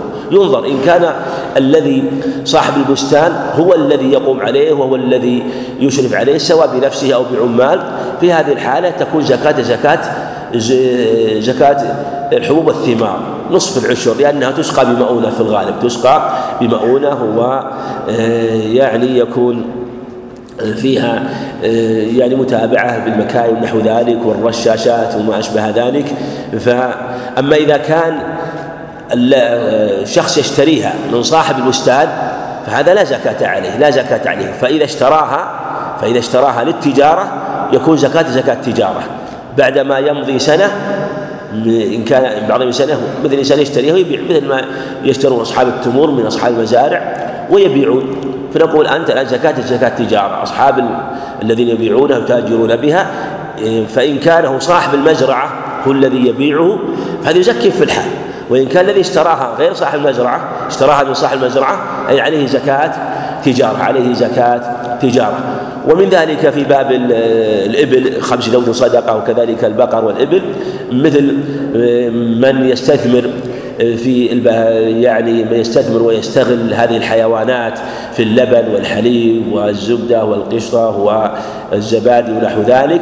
هذه هل يزكون زكاة هل زكاة السائمة أو يزكون زكاة التجارة؟ موضع خلاف. والأظهر والله أعلم ينظر إن كان هذا الذي يعني أصحاب هؤلاء المصانع أن أنهم يسومونها ويرعون. هذا بعيد طبعا لا يكاد يوجد فإنه يجب عليهم زكاة زكاة تتعلق بالأصل وهو ما يسومونه وزكاة تجارة في الريع الذي يبيعونه. وفي الغالب نعلم أنها لا تسام اليوم فعلى أن تكون زكاتها زكاة تجارة. زكاة تجارة. تزكى زكاة تجارة آه، بمعنى أنه يقدر. وهل الزكاة تجب في الجميع يعني في الأصول؟ هل يعني يقوم مثلا ما عنده من البقر ما عنده مثلا من الإبل ما عنده من الغنم التي يستعملها أو الزكاة في الريع؟ هذا في خلاف. والأقرب على القواعد والأصول والله أعلم أن القاعدة في الأصول التي تستغل وتدر أن الزكاة ليست في أصولها في ريعها مثل العمارات والبيوتات والأراضي فإن الزكاة ليست في أصولها. مع هنالك قول اختاره ابن عقيل رحمه الله ومال إليه بعض الأئمة الكبار رحمه الله من المتقدمين. وأن الزكاة تجب في الأصل في في في الريع وفي الأصل الريع وفي الأصل. فمن زكى الجميع فهو أحوط. وإلا فلا, فلا يظهر أنها تلزم الزكاة في الجميع بل تكون الزكاة في الريع تكون الزكاة في الريع. فإذا حال الحول عليه وعلى هذا بعد الحول يقيم ويخرج ربع العشر ربع العشر. حديث أبي هريرة رضي الله عنه ليس على المسلم في عبده ولا فرسه صدقة. ولمسلم ليس في في عبده ولا فرسه صدقة إلا صدقة الفطر. وفي لفظ إلا زكاة الفطر في الرقيق. هذا اللفظ في الحقيقة ليس عند أحد من الصحيحين وهو لفظ أبي داود بسند فيه رجل مبهم بسند فيه رجل مبهم. وحديث وهذا فيه دلالة على أنه ليس فيما في عبده ولا في فرسه صدقة. والمملوك ليس فيه صدقة إلا إذا كان للتجارة. إذا كان للتجارة ففيه زكاة تجارة أما ما يتخذ الخدمة فعليه زكاة يزكي عن زكاة الفطر. حديث أبو هريرة العجماء جبار يعني العجماء هي البهيمة جبار هدر العجماء جبار لو أن إنسان عنده بهيمة فأتلفت بهيمته زرع إنسان بهيمته شياه فنقول هدر لا شيء عليه لكن هذا الحديث مخصوص بحديث البراء بن عازب بشرط أن تكون يعني أن يكون إتلافها في النهار إتلافها في النهار. أما إذا كان إتلافها في الليل فإنه يضمن إذا أتلفت بهيمة الإنسان أو ماشيته زرع إنسان ليلا فإنه يضمن لأنها لأنه في الليل عليه أن يحفظ غنمه وماشيته. وفي النهار يسر يطلقها يطلقها. فأذن له في ذلك. وفي النهار أصحاب البساتين يحفظونها يحفظونها. وأما أصحاب الماشية فيحفظونها في الليل فأصحاب الماشية يحفظون اغنامهم في الليل فإذا انطلقت ضمنت وأصحاب البساتين يحفظون بساتينهم في النهار فإذا تلفت لا ضمان عليها لا ضمان عليها لأن التفريط من صاحب البستان لحديث البراء بن عازب عند أبي داود وغيره أنه عليه السلام قضى أن ما اتلفت بالليل مضمون على أهلها والبئر جبار يعني لو استأجر إنسان من يحفر له بئر فسقطت عليه البئر فإنه هدر ولا شيء. والمعدن جبار لو استأجر إنسان أن يحفر له مكان لأجل يستخرج معادن فتلف في هذا المعدن وسقط عليه شيء فهو هدر لا شيء عليه. وفي الركاز الخمس الركاز هو دفن الجاهلية مما ليس عليه على من علامات أهل الإسلام فهذا فيه الخمس ولا حول له ولا نصاب له. تخرج الخمس. حديث أبي هريرة رضي الله عنه هذا في الحقيقة اللفظ لفظ مسلم والبخاري أخرجه مختصرا. وفيه إيه، بعث السعاة وفيه أيضا دلالة على وجوب زكاة عروض التجارة لأن النبي عليه الصلاة والسلام قال أما خالدا فإنكم تظلمون خالدا. وقد احتبس أدراعه واعتده في سبيل الله. دليل على وجوب الزكاة في عروض التجارة. لأن الذي إيه، لأنه حينما إيه، الذي منعه من ذلك لأنه جعلها وقف في سبيل الله. فكيف يمتنع من أداء الزكاة وقد وقفها؟ هذا دليل على وجوب الزكاة لأن الأدراع لا تجب الزكاة إلا إذا كانت عروض تجارة. فالذي منع من وجوب الزكاة فيها هو أنه جعلها في سبيل الله فكانت وقفا فخرجت من ملكه إلا أنه لا بأس أن يكون إنسان مشرفا على المال الذي يقفه في سبيل الله. وأما العباس فهي علي ومثلها. آه، ومعلمة أن الرجل صن وأبيه أي مثله ويجتمع معه في أصل واحد في دلالة على جواز تعجل, تعجل الزكاة وهو قول الجمهور فلا بأس من تعجيل الزكاة عند الحاجة. ولما ثبت أيضا في حديث حديث العباس أن النبي عليه عليه الصلاة والسلام تعجل زكاة العباس عامين. حديث عبد الله بن زيد بن عاصم المازني رضي الله عنه. فيه أيضا أن من أموال الأموال الفيء الفيء وأن الفيء يتصرف فيه الإمام بما يراه مصلحة وفي مشروعية إعطاء المؤلفة قلوبهم أنه يعطون من هذا المال. وهذا الصح الحديث حديث عبد الله بن زيد بن عاصم أيضا أخرجه الشيخان من حديث أنس وفي دلالة على فضل الأنصار حيث ما قال الرسول صلى الله عليه وسلم شيئا إلا قالوا الله ورسوله أمن والله أعلم.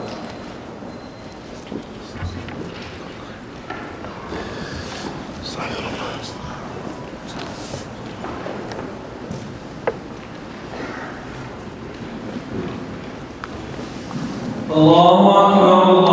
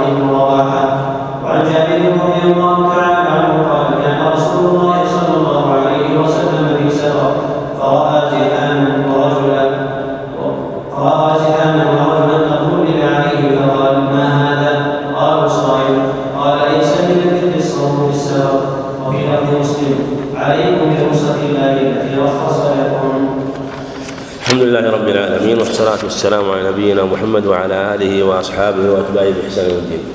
صدقة الفطر أضيفت إلى سببها وتجب صدقة الفطر بغروب الشمس ليلة واحد من شوال وهي ليلة العيد.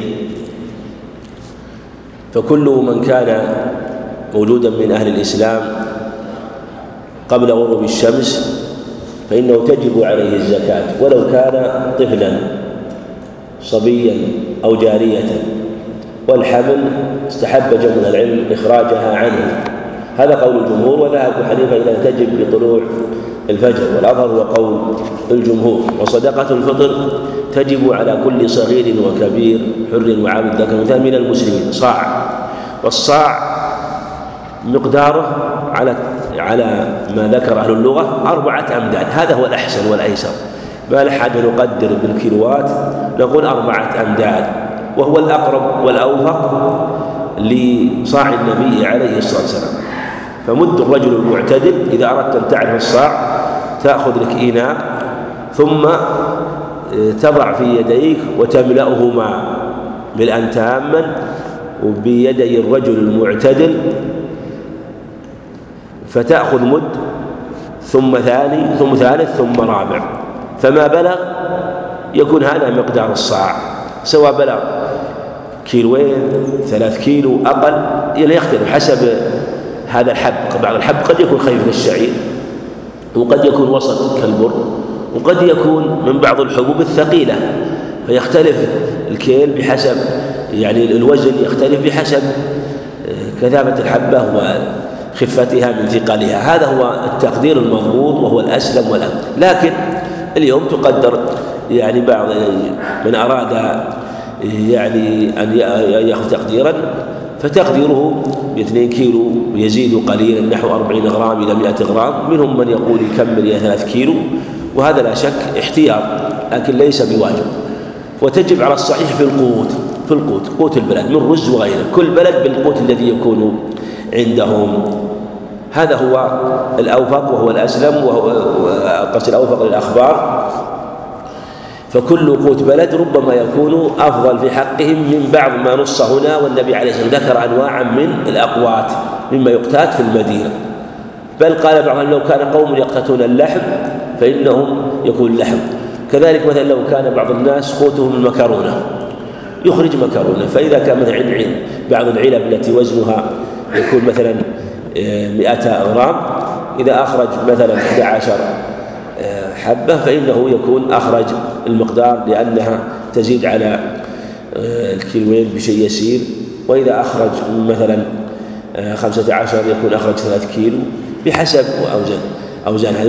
وكذلك لو كان مثلا في مكان يقتاتون المعلبات يقتاتون المعلبات. ما في ما يخرج معلبات؟ بوزنها بوزنها بما تقارب الصاع. وعلى هذا ما له حاجة للقيمة كل بلد لابد أن يكون عندهم قوت يقتاتونه ما يقول الإنسان هؤلاء ليس عندهم هذا ما يمكن. لابد أن يكون قوت يقتاتونه. فالقوت الذي يقتاتونه تخرج منه مقدار 2 كيلو تزيد قليلا فإذا احتاط هذا عن الواحد.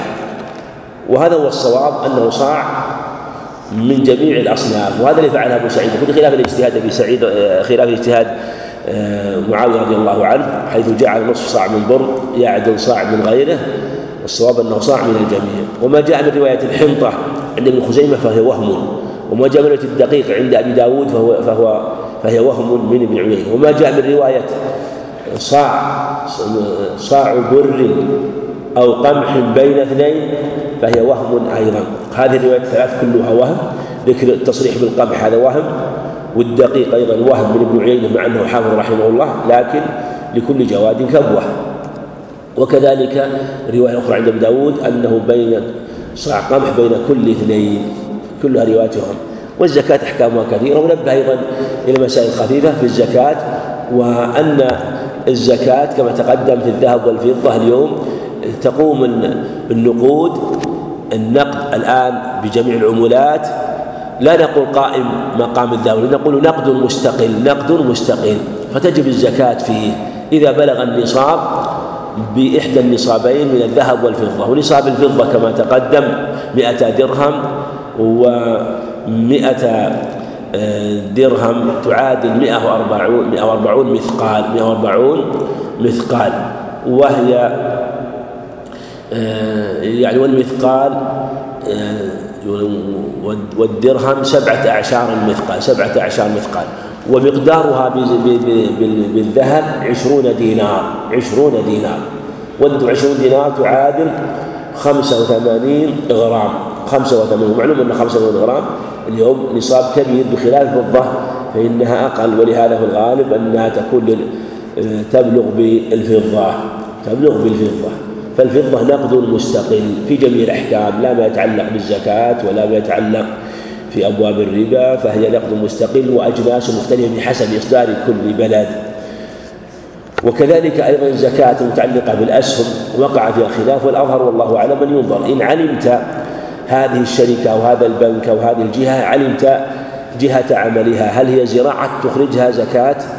آه، حبوب ثمار إن كان عمله في الحبوب إن كانت مثلا مصانع تخرج من النماء مثل مثلا تأجير قطارات سيارات فنادق وما أشبه ذلك زكاة في الريع وإن جهل الحال مثل غالب مساهمات اليوم هل يعني تخرج الزكاة كيف؟ هل مثلا يفرق بين مثلا المستثمر بين المستثمر وبين المضارب؟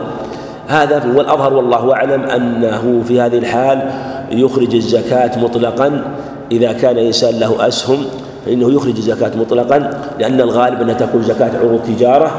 ولا نقول إنه إن كان يضارب كل يوم فإنه في هذه الحالة يخرج زكاة عروض التجارة يعني يزكي الأصل والربح. وإن كان يبقيها ويأخذ ربحها مثلا في نهاية العام فيخرج زكاة الريع وينزل الأصل منزلة ينزل المال منزلة الأصل الذي يدر مثل مثل ما تدر. مثل ما يدر البيت والأرض بتأجيره. فالأظهر أنه إن علمت هذه التجارة كيف هي فتخرج الزكاة. فإن كان مثلا مصانع ونحو ذلك فزكاتها في ريعها. ولهذا المصانع تختلف. المصانع فإذا كانت مثلا جهة تصنع تصنع مثلا أشياء الجهة التي تصنع وتؤجر هذه زكاتها زكاة ريع. تصنع وتؤجر. ومصانع تصنع وتبيع. هذه زكاة زكاة تجارة. زكاة زكاة تجارة. حتى المواد الخام تزكيها. أما إذا كانت لا هذه صناعة للتأجير صناعة للتأجير. فليس عليه في الزكاة فليس في الأصول زكاة. وإن كانت مثلا مصانع تصنع وتبيع مثل الإنسان يصنع أواني ويبيعها يصنع بريق ويبيعها يصنع سيارات ويبيعها يصنع هذا لو كان عند الإسلام شيء من هذا. لكن المقصود أنها ما في قدرتهم. وحالهم من سائر ما يصنع مما يعني يباع. فالزكاة تكون في جميع المال في جميع المال. ولهذا مواد الخام اختلف فيها هل فيها زكاة ولا فيها زكاة؟ الصحيح أن فيها زكاة. فالإنسان اشترى حديد اشترى نحاس مصنع. عندي يصنع مثلا باريق يصنع أشياء مثلا. من سائر ما يباع من سائر أنواع الاستخدامات. يقول هل هل أقوم تقيمها؟ نقول نعم تقيمها. ما دمت أنك تصنع يقول خام. نقول خام لكنك سوف تبيعه. تبيعه. تدخل أنت الآن الحال الحول لا زال خام. تقيمه مع ما هو موجود عندك مثلا من سائر ما صنع. وإن كان جميع خام فإنك تقيم تقيمه خاما. مثل الأرض اللي يشتريها الإنسان. ربما تكون يعني أرض قد هيأها وخططها ولها قيمة وقد تكون أرض كما يقولون خام فلها قيمة. كذلك مثل هذه الأشياء كل شيء له قيمته كل شيء له قيمة. مثل الإنسان يعني آه، يبيع في الثياب يبيع في الثياب. مو ليس مستصنع من الخياط لا غير المستصنع الخياط لكن إذا كان عنده يبيع ثياب هو يخيط الثياب ويبيعها يخيط الثياب ويبيعها. فإذا كانت الثياب لا زالت خام طاقات ما حتى لم تخط في هذه الحالة يقيمها هكذا خام وإن كانت قد صنعت يقيمها كذلك. فيقيمها جميعا يقيمها جميعا. لكن ما يدخل تبعا ويستهلك هذا لا يدخل لا يقيم. مثل مثلا لو أن الإنسان عنده شركة عنده شركة تصنيع فيستهلك أشياء يستهلك أشياء آه، أشياء مستهلكة تذهب. هذه لا زكاة فيها. هذه لا زكاة فيها. الزكاة تكون في الشيء الذي يبقى مثل ما يكون عنده مثلا من وعي الزيوت والبنزين ونحو ذلك والوقود الذي يكون لأجل الاستهلاك لأجل لكن ما يكون داخل في الصنعة فهذا يدخل في باب الزكاة. وكذلك مثل ما تقدم الأسهم بابها على ما تقدم. فعلى هذا كل شيء ينظر في أصله ينظر في أصله. ومن ذلك يعني ما زكاة الأسهم والسندات. معروف أن السندات في الغالب أنها ربوية فلا يجوز الدخول فيها لكن لو فرض الإنسان عنده عنده سندات قروض فالقروض ما كان قرضا ربويا هذا يحرم يحرم ولا يجوز الدخول فيه. لكن لو دخل فيه فيجب أن يتخلص من الربا والربا لا زكاة فيه. المال المحرم على الصحيح لا زكاة فيه. المال المحرم لا زكاة فيه خبيث. والله طيب ولا ولا طيب. كيف تزكي؟ الزكاة تطيب وهذا كله خبيث.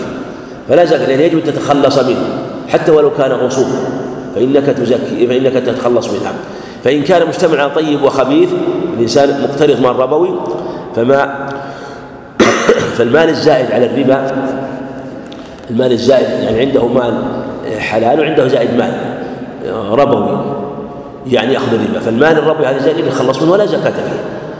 والأصل فيه الزكاة وهو ماله الذي سلم من الماء من الحرام. حديث أبي سعيد رضي الله عنه فيه كما تقدم أنها من الشعير والتمر والأقط والزبيب. قال وكان طعامنا يومئذ كما في رواية أخرى البخاري كان طعامنا يومئذ الشعير والتمر والزبيب والأقط. كتاب الصيام. حديث ابو هريرة رضي الله عنه وفي لا تقدم رمضان. لا يجوز استقبال رمضان كما لا يجوز تشييعه. لا يجوز استقباله ولا تشييعه. فلا تستقبل رمضان بصيام ولا تشيعه بصيام لأنك تفطر يوم يجب الفطر وهو يوم العيد ويجب أن تفطر قبل لا تقدم رمضان بصوم يوم ولا يوم لأن هذا احتياط وهو محكم والنبي عليه الصلاة والسلام أحكمه دخولا وخروجا وكان يتحفظ لشعبان ما لا يتحفظ رمضان ما لا يتحفظ من غيره عليه الصلاة والسلام وكان يضبط هلال شعبان لأن إذا ضبط هلال شعبان وهو ضبط هلال رمضان. إلا رجل كان يصوم صوم. إنسان معتاد أنه يصوم يوم الاثنين. فوافق يوم الاثنين؟ يوم ثلاثين. ما يسمى يوم الشك مثلا ليلة غيم وليلة الثلاثين. لا بأس أن يصوم لأنه ما قصد.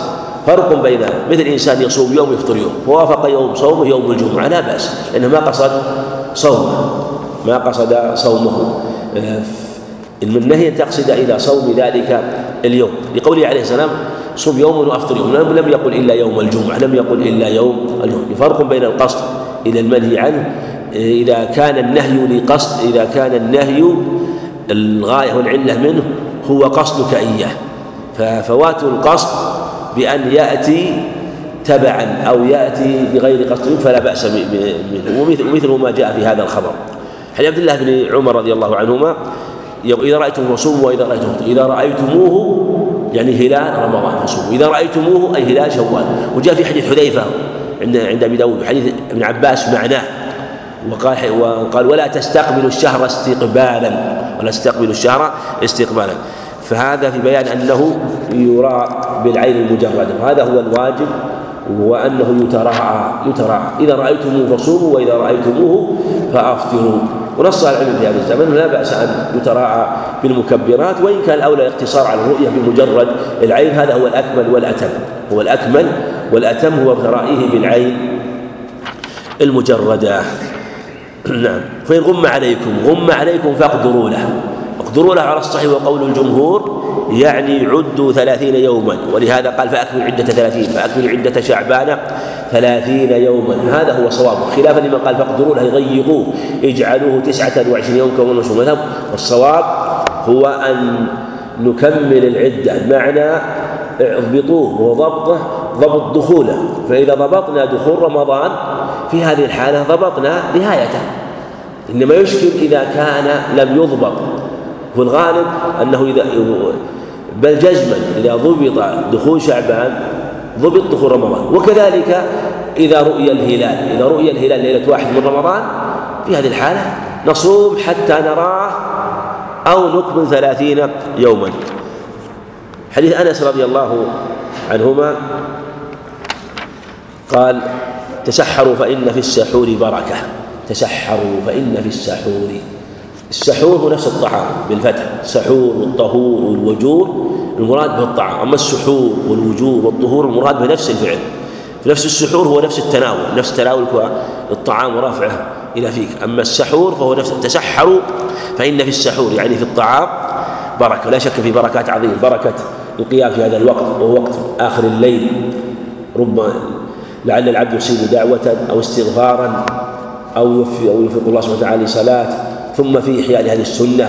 والنبي عليه الصلاة والسلام قال فرق ما بين صيام أهل أهل الكتاب أكلة السحر. وفي حديث أبي سعيد ولو أن تتجرع بجرعة ماء عند أحمد. وكذلك حديث العمام بن نعم سحور المؤمن. التمر في أحد كثير حديث البراء بن كذلك في حديث عمار بن سارية. السحور الغداء المبارك في أحاديث جيدة وردت في هذا الباب في فضل السحور. حديث أنس مالك رضي الله عنه زيد ثابت وفيه أنه عليه الصلاة والسلام قام إلى الصلاة. وكم كان بين أذان السحور؟ قال قدر خمسين آية. والمراد والله المراد هنا قدر خمسين آية ثم قام إلى الصلاة. قام إلى الصلاة. يعني أنه بين سحوره وقيامه إلى الصلاة. وفي اللفظ الآخر وبين دخولهما في الصلاة. يبين أن أن سحوره قريب من الفجر لأنه لم يكن بين ابتداء سحوره ودخوله في الصلاة إلا مقدار خمسين آية. إلا مقدار. والمراد الإقامة المراد الإقامة.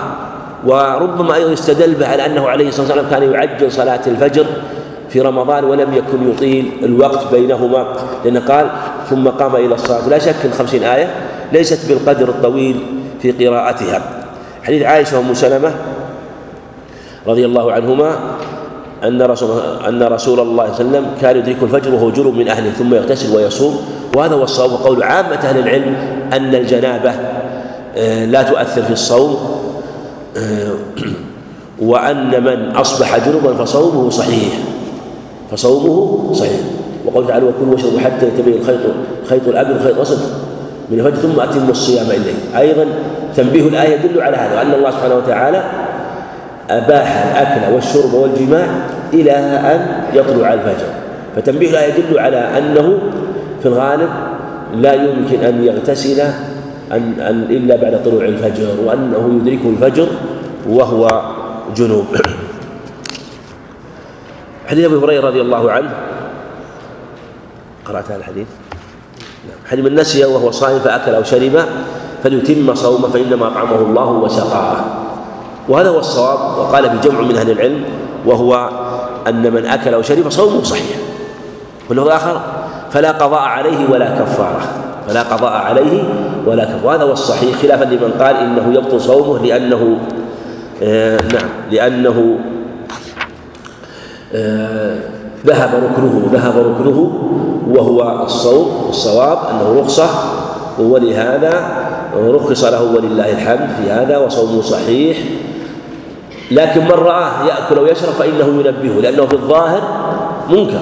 ولا يقول لا أنبهه لأنه نائم أو نائم أو لأنه ناسي لا. كما أنك توقظه لصلاة للصلاة. لو وجدت إنسان نائم وحضرت الصلاة توقظه ما تقول إنه نائم مع أن النائم مرفوع عن القلم فكونه مرفوع عن القلم ليس لا يخوي لك أن تتركه. هو ليس بآثم لكن أنت عليك واجب وليس بآثم. فكما تنبه للصلاة وكان النبي عليه الصلاة والسلام كما في الحديث النبي داود غيره كان إذا قام لصلاة الفجر يوقظ أهله ويركض برجله عليه الصلاة والسلام من مر وكان نائما فيوقظهم للصلاة عليه الصلاة والسلام. حديث هريرة رضي الله عنه في ذاك الذي جاء وجامع أهله. والحديث فيما يظهر أنه كان متعمد. قال هلكت يا رسول الله. جاء في رواية ذكر الحاكم وأهلكت. تكلم فيها بعضهم. فقوة قوله يدل على أنه كان متعمدا. وجاء أنه ينتف شعره يضرب وجهه. دلالة على الإنسان إذا وقع في ذنب ووقع شيء من التحسن لا بأس من ذلك. ولو وقع من هذا الفعل لا يكون نوع من الجزع. لأنه ربما الإنسان مع شدة ما في قلبه من الندم يحصل من مثل هذا وإن كان الأولى أن مع ندمه أن يصبر ولا آه، يفعل مثل هذا. ووقوع هذا الفعل منه يدل على شدة خوفه. ولهذا النبي عليه الصلاة والسلام لم ينكر عليه ولم يجعله من الجزع. وفيه أنه عليه الصلاة والسلام أمره يعتق رقبة. فقال لا ضرب على صفحة رقبة. قال لا أملك غيرها. والذي بعده أنا لا أملك غيرها. ثم قال صم شهرين. قالوا هل أتيت الذي أتيتنا من الصوم؟ ثم قال أطعم ستين مسكينا. قال بتنا وحشيين. في لفظ ما بين لابتيه أهل بيت أفقر منا يا رسول الله. قال أخذ فالحديث وفيه أنه لما جاءه ذاك العرق وهو زنبيل فيه شيء من طعام قيل خمسة عشر صاع وقيل ثلاثون صاع. قال اذهب فأطعمه أهلك. في دلالة على وجوب الكفارة وأنها مرتبة وهذا هو الصواب.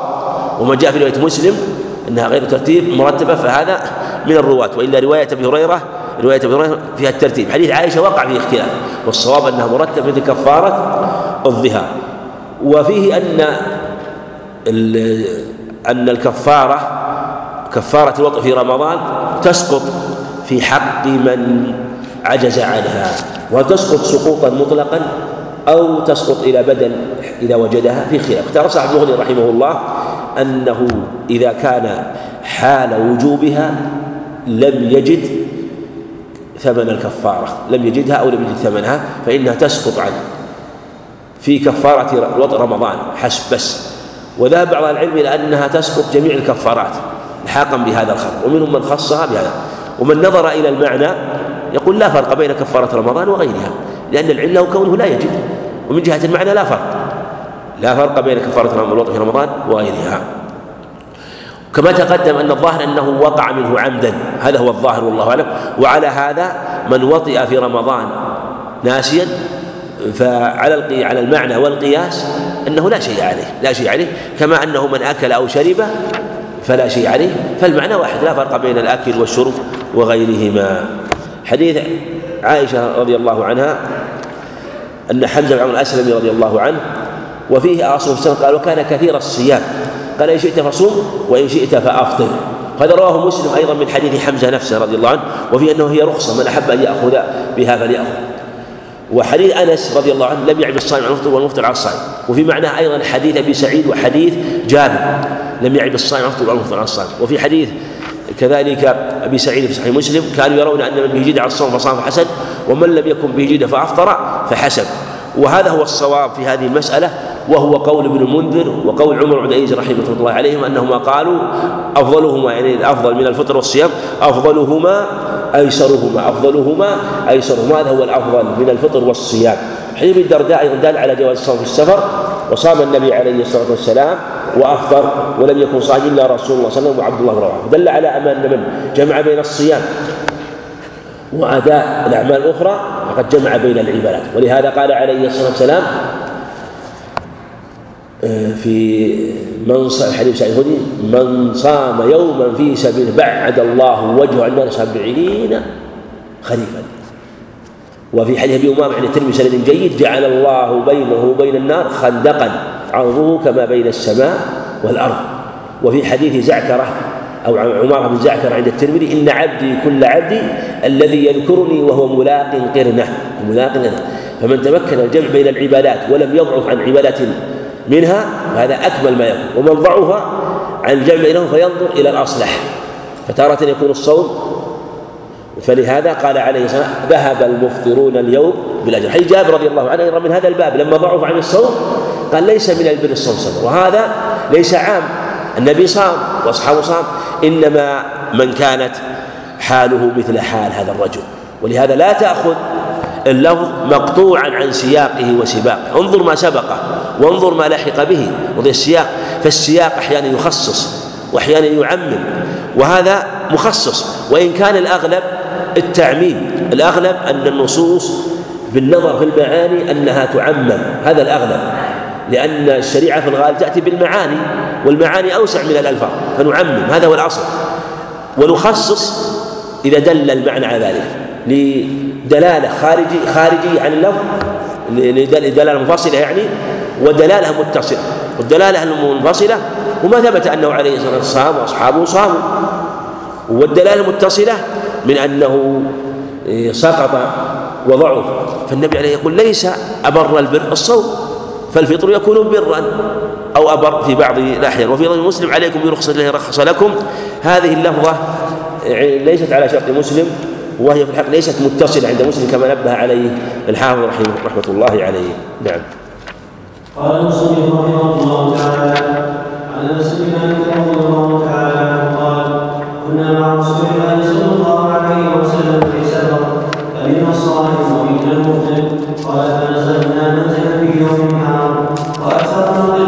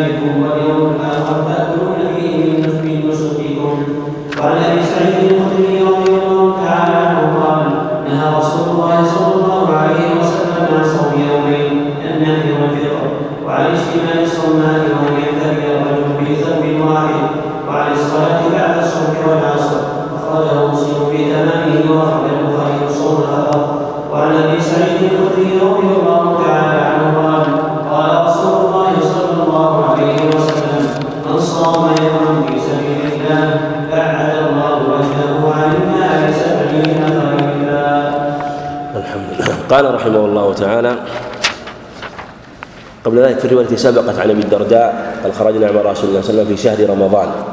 حديث اللي باب الصوم والسفر قوله في شهر رمضان هذه ليست عند البخاري إنما هي لمسلم إنما هي لمسلم ليست عند البخاري يعني تحديد آه، الشهر. وفي البخاري في سفرة من أسفار عليه الصلاة والسلام. حديث أنس بن مالك رضي الله عنه مثل ما تقدم في الصوم في السفر والفطر في السفر وأنه كان يصوم ويفطر وحديث حديث أبي الدرداء رضي الله عنه المتقدم وأنه لم لم يكن صائم إلا رسول الله إلا رسول الله صلى الله عليه وسلم عبد الله بن رواحة. وفيه أنه سقط الصوام وقام المفطرون فضرب لم يسقوا الركاب دلالة على أن الصوم إذا كان يضعف عن الخدمة فالفطر أفضل. ذهب المفطرون اليوم بالأجر. وهذا هو الأفضل. فالإنسان إذا كان مع أصحابه وهو صائم فإن كان لا يضعف عن الصوم بالعمل والقيام على مع إخوانه وخدمتهم فلا بأس. وإن كان يضعف فلا. ولهذا جاء في الرواية الأخرى عند النسائي لما صام بعض أصحابه قال أسقيا صاحبيكم أطعم صاحب صاحب صاحبيكم. إشارة يعني إلى أنهم يخدمون. فالمعنى أنه إذا أمكن الجمع بين الفضائل كان الأكمل والأتم على القاعدة المتقدمة. عن عائشة رضي الله عنها لأن القصد هو تحصيل المصالح مهما أمكن. فإذا لم يمكن فيحصل ما هو الأكمل والأتم. وهذا وهذا في الحقيقة شاهد لما تقدم في كلام القيم رحمه الله وأن ما أن العبادة الأفضل في كل وقت وما كان أرضى لله. هي عبادة الوقت. مع أن يعني في هذا الوقت في هذا الوقت لو أن إنسان جمع بين الصوم والخدمة هذا الأفضل والأكمل. لكن دار الأمر بين أن يصوم ويضعف عن خدمة إخوانه وبين أن يفطر ويخدم إخوانه.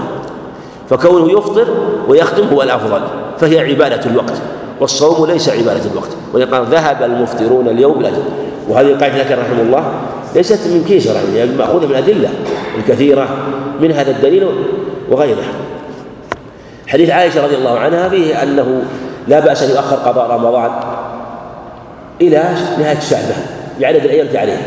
لقوله تعالى فعدة من أيام. أي فأفطر فعدة من أيام أخرى آه، إلا أن عليه أن يحتاط. عليه أن يحتاط في الأيام التي عليه. فلا يؤخر تأخير ربما يضعف عن قضائها في آخر الشهر في آخر الشهر.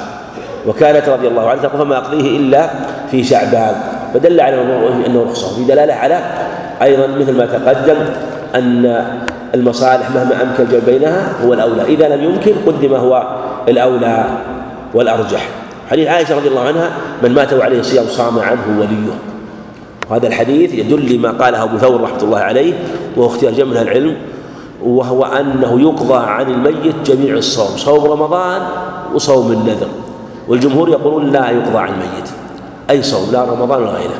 ومنهم من فرق بين رمضان وغيره. والمذهب يقولون مثلا عند متأخرين الحنابلة يقضى صوم رمضان يقضى النذر دون صوم رمضان. صوم يكفر عنه يكفر عنه إن كان خلفه مال. أما النذر يقضى. وهذا ما ذكره داود وذكره المصنف عن أحمد. وقال هذا في النذر وهو قول أحمد محمد. والصواب والأظهر هو ما قاله أبو ثور وهو اختيار شيخنا العلامة الشيخ عبد بن باز رحمه الله ويريد هذا القول وينتصر له يقول حديث عام. الحديث عام من صام من مات وعليه صيام صام عنه وليه وهذا يشمل كل صوم. ما الدليل على تخصيصه؟ صوم النذر. بل في الحقيقة إذا تأملت وجدته في آه، يعني في رمضان أظهر من صوم النذر. لأن الأغلب الأغلب أن الناس يسألون عن قضاء رمضان عن قضاء رمضان. وإن كان يعني يقولون مات فلان مات فلان عليه صوم رمضان. وإن كان ربما يا فلان مات عليه صوم رمضان. لكنه من في مقابل من يموت وعليه صوم رمضان قليل. فإذا كان الأغلب أن الذي عليه صيام ويموت وعليه الصيام الأغلب يكون من رمضان وأن الأقل من كان عليه نذر فلا يمكن يقال أن الحديث في من مات عليه صوم نذر على أن يكون خصصنا عمومه وجعلنا الأكثر خارج عن عمومه ولهذا كان الأظهر ما تقدم. وأيضا من المسائل التي أسردها على سبيل الاختصار متعلقة بالصوم أن الصوم ما يتعلق بالمفطرات الأصل أنها محصورة المفطرات الأصل أن المفطرات محصورة معلومة. وحدها الشارع وبينها ما ك... يعني كل ما كان داخل إلى الجوف من طريق الفم أو من طريق الأنف. هذه هي هي المفطرات. هذا هو الأظهر في هذه المسألة. والجمهور يقولون ما دخل إلى جوف أو مجوف. على اختلاف بينهم. هل المراد بالجوف كل مجوف أو المراد بالجوف المعدة؟ منهم من قال جوف المعدة ومن قال بالجوف كل مجوف. حتى ولو كان يعني في داخل الرأس مثلا. مثل شيء إبرة أو نحو ذلك علاج داخل الرأس أو في الجوف في البطن ونحو ذلك. ومنهم من قال لا الجوف هو المعدة. وكلها ولهذا قالوا يعني مثل ما يدخل بالتحاميل والعلاجات الدبر مفطرة عند الجمهور عند الأئمة الأربعة هذا القول فيه نظر.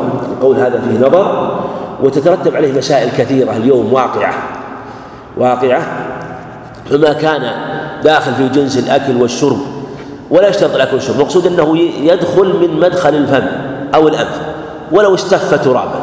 المقصود أنه الصوم هو الإمساك. ولو استف الإنسان ترابا فإنه يكون مفطرا مفطرا بذلك كان عامدا عالما به.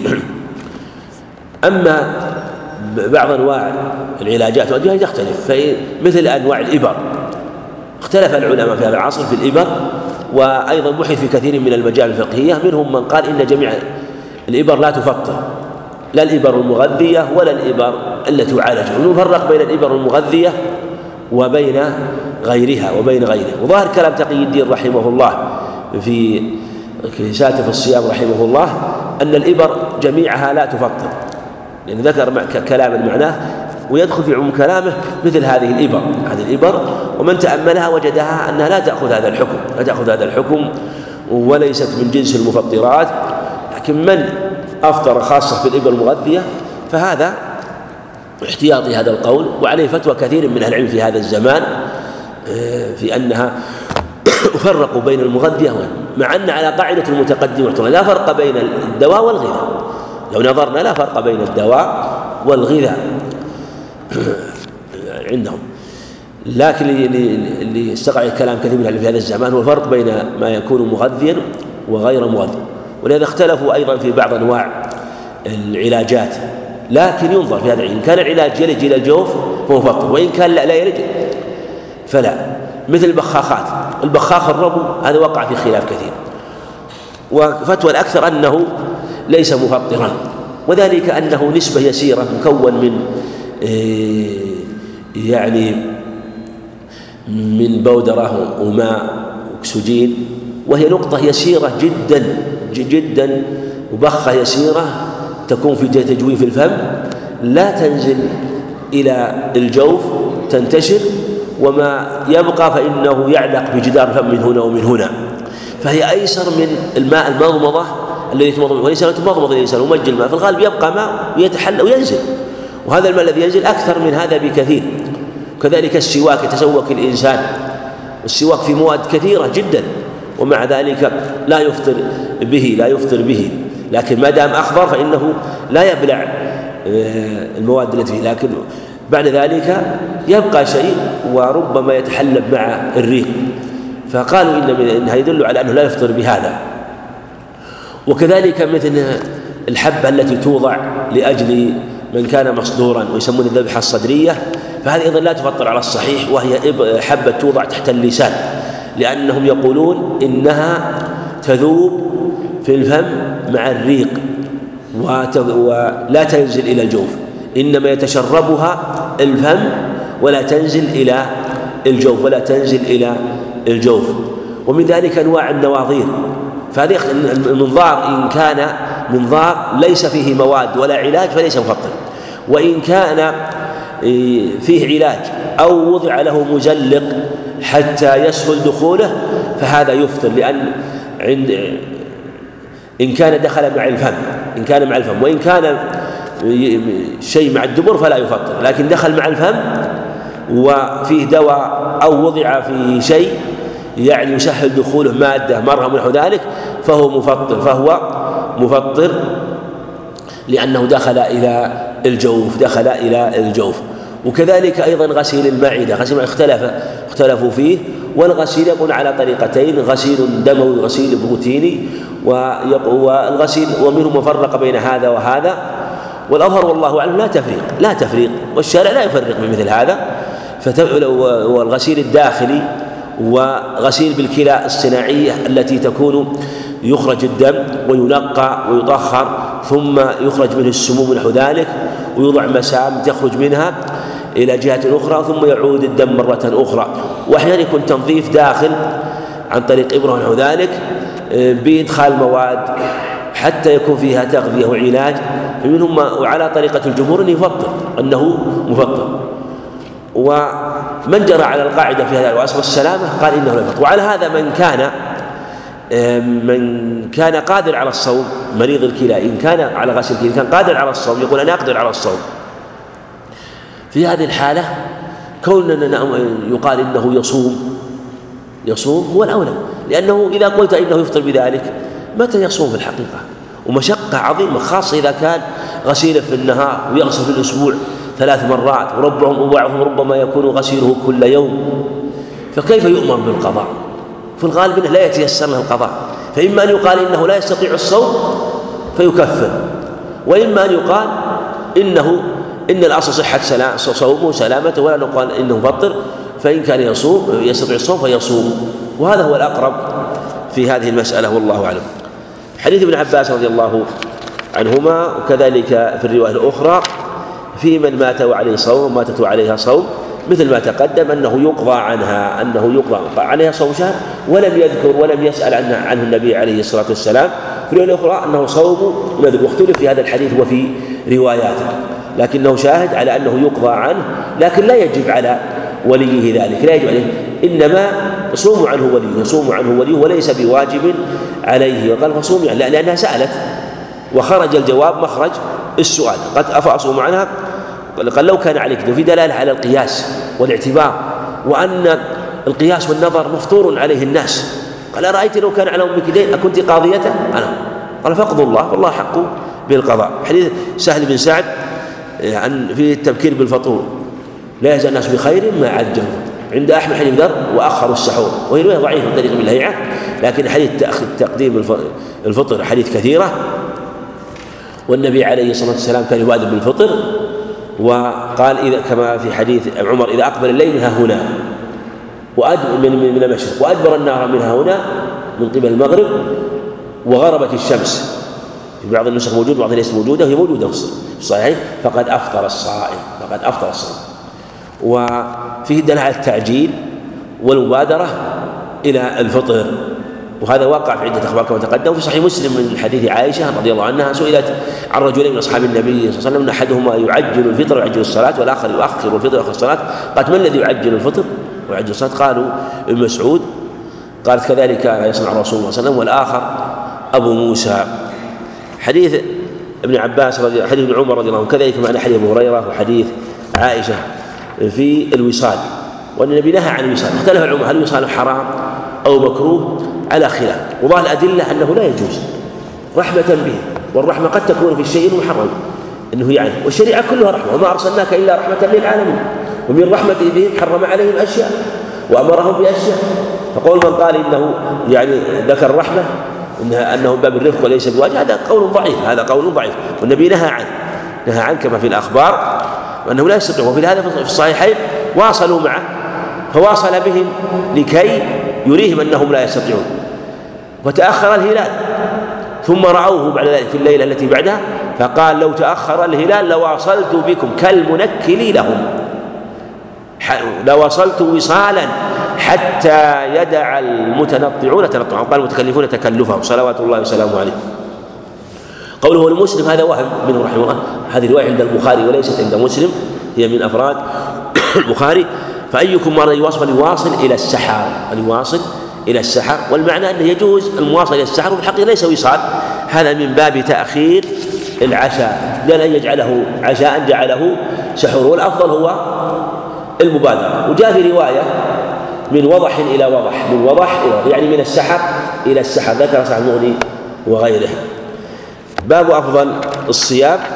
حديث عبد الله بن عمرو بن عاص رضي الله عنهما وفيه أنه عليه الصلاة والسلام نهى عن المواصلة وبين أنه يشق عليه ذلك وأنه سوف لعله يطول بعمره كذلك كان طال عمره رضي الله عنه.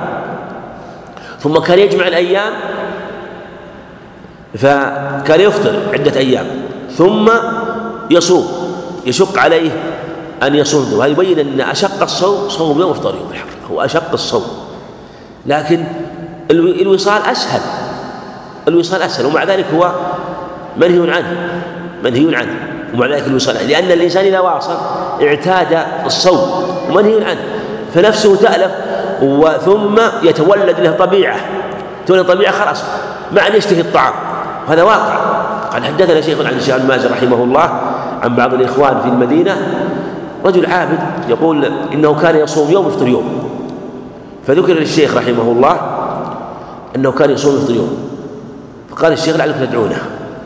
يقول فأحضروا لي وكلمت قلت أنت رجل من السنة ومن أهل الحديث.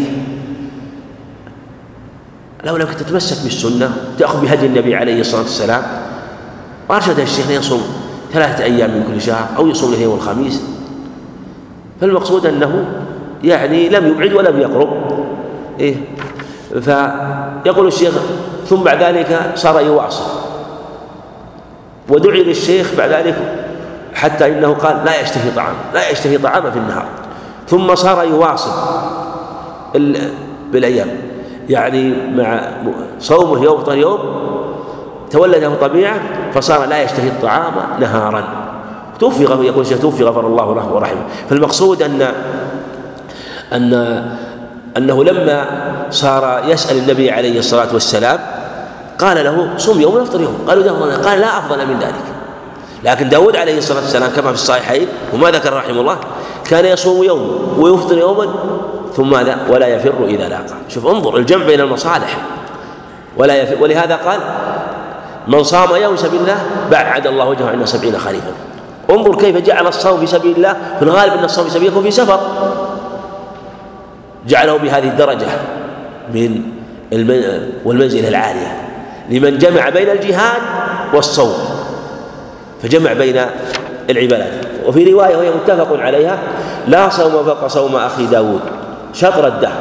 وفي صحيح مسلم حديث أبي قتادة أنه لما ذكر عليه عليه الصلاة والسلام فطر يومين وصوم يوم قال وددت أني طوقت ذلك. يعني ثلث الدهر يقول عليه الصلاة والسلام. حديث عبد الله بن عمرو رضي الله عنه الأخرى أيضا مثل ما تقدم أنه يعني أن داود عليه الصلاة والسلام كان يصوم يوم ويفطر يوما وينام نصف الليل ويقوم ثلثه وينام سدسه. يعني ينام ثلاثة أسداس السدس الأول والثاني الثالث ويقوم الرابع والخامس وينام السدس السادس. وهذا موافق لما صح عنه عليه الصلاة والسلام في صحيح عائشة ما ألفاه السحر عندي إلا نائم. حديث هريرة رضي الله عنه في وصيته يعني أوصاه بالصيام ثلاثة أيام من كل شهر وركعتي الضحى وأن أوتر قبل قبل أن أنام. هذه أيضا ثبتت عن أبي ذر عند مسلم وعن أبي وعن أبي الدرداء عند النسائي بإسناد صحيح بوصية عليه الصلاة والسلام. عند البرقاني وأن أصلي الضحى كل يوم كل يوم. حديث جابر رضي الله عنه في صوم يوم الجمعة وكذا حديث أبي هريرة وحديث آه، عمر الخطاب رضي الله عنه كلها إلا حديث أبي هريرة.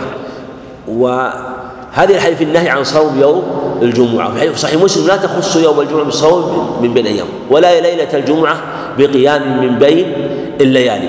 وفي حديث جويري عند البخاري أن النبي عليه الصلاة والسلام قال أصمت أمس دخل عليه وهي صائمة يوم الجمعة. قال أصمت أمس قالت لا. قال أتصومين غدا؟ تريد أن تصوم قال لا. قال فأفطري.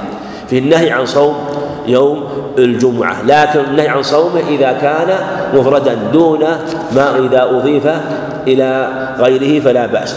حديث عمر رضي الله عنه في النهي عن صوم يوم العيدين وكذلك حديث أبي سعيد الخدري وصوم يوم العيدين لا يصح وعند الجمهور صوم باطل خلافا لأبي حنيفة فمن نذرهما أو صوم فلا يصح نذرهما ولا يصح صومهما لأنه يعود إلى إلى ذات الشيء والنهي عن الصماء وهي أن يتلفلف في الثوب ويجمع نفسه هذا وأن يبدو شقه هذا هو الصحيح يبدو شقه الأيمن كما في رواية عند البخاري. حديث سعيد الخدري تقدم الإشارة إليه يصلي يوما في سبيل الله. نعم. قال المصنف رحمه الله تعالى عن عبد الله بن عمر رضي الله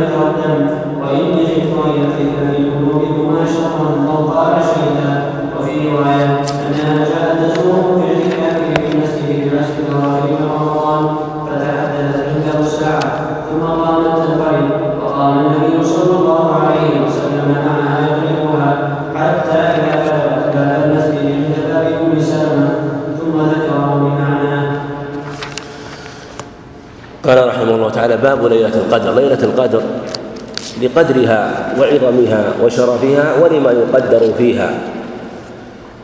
عن عبد الله بن عمر رضي الله عنهما أن ليلة القدر في السبع الأواخر أو أريها جمع من الصحابة في السبع الأواخر من رمضان. وفيه أرى رؤياكم قد تواطأت في السبع الأواخر دلالة على أن تواطؤ الرؤى واتفاقها على شيء مما هو دليل على صدق ما تواطأت عليه وهو التوافق التواطؤ والتوافق في الغالب حتى في حديث الناس حينما تسمع خبرا فتتوقف فيه فإذا نقل آخر هذا الخبر وثالث تواطأت الروايات بالمعنى فإنك تقطع بوقوع هذا الخبر. كذلك أيضا تواطؤ الرؤى. قال فمن كان متحريا فليتحرى في السبع الأواخر. فهي أرجى الليالي فهي أرجى ليالي القدر هو السبع الأواخر. وسيأتي أنها في الوتر. حديث عائشة رضي الله عنها تحروا ليلة القدر في الوتر من العشر الأواخر. يعني في واحد وعشرين ثلاث وعشرين خمس وعشرين سبع وعشرين تسع وعشرين. وفي حديث عبادة بن الصامت عند البخاري في تاسعة تبقى في سابعة تبقى في خامس تبقى. في حديث ابن عباس في حديث ابن عباس في تاسعة تبقى في سابعة تبقى في خامس تبقى. في حديث عبادة تمسوها في التاسعة في السابعة والخامسة. كلها آه، تواردت على تحريها في الوتر.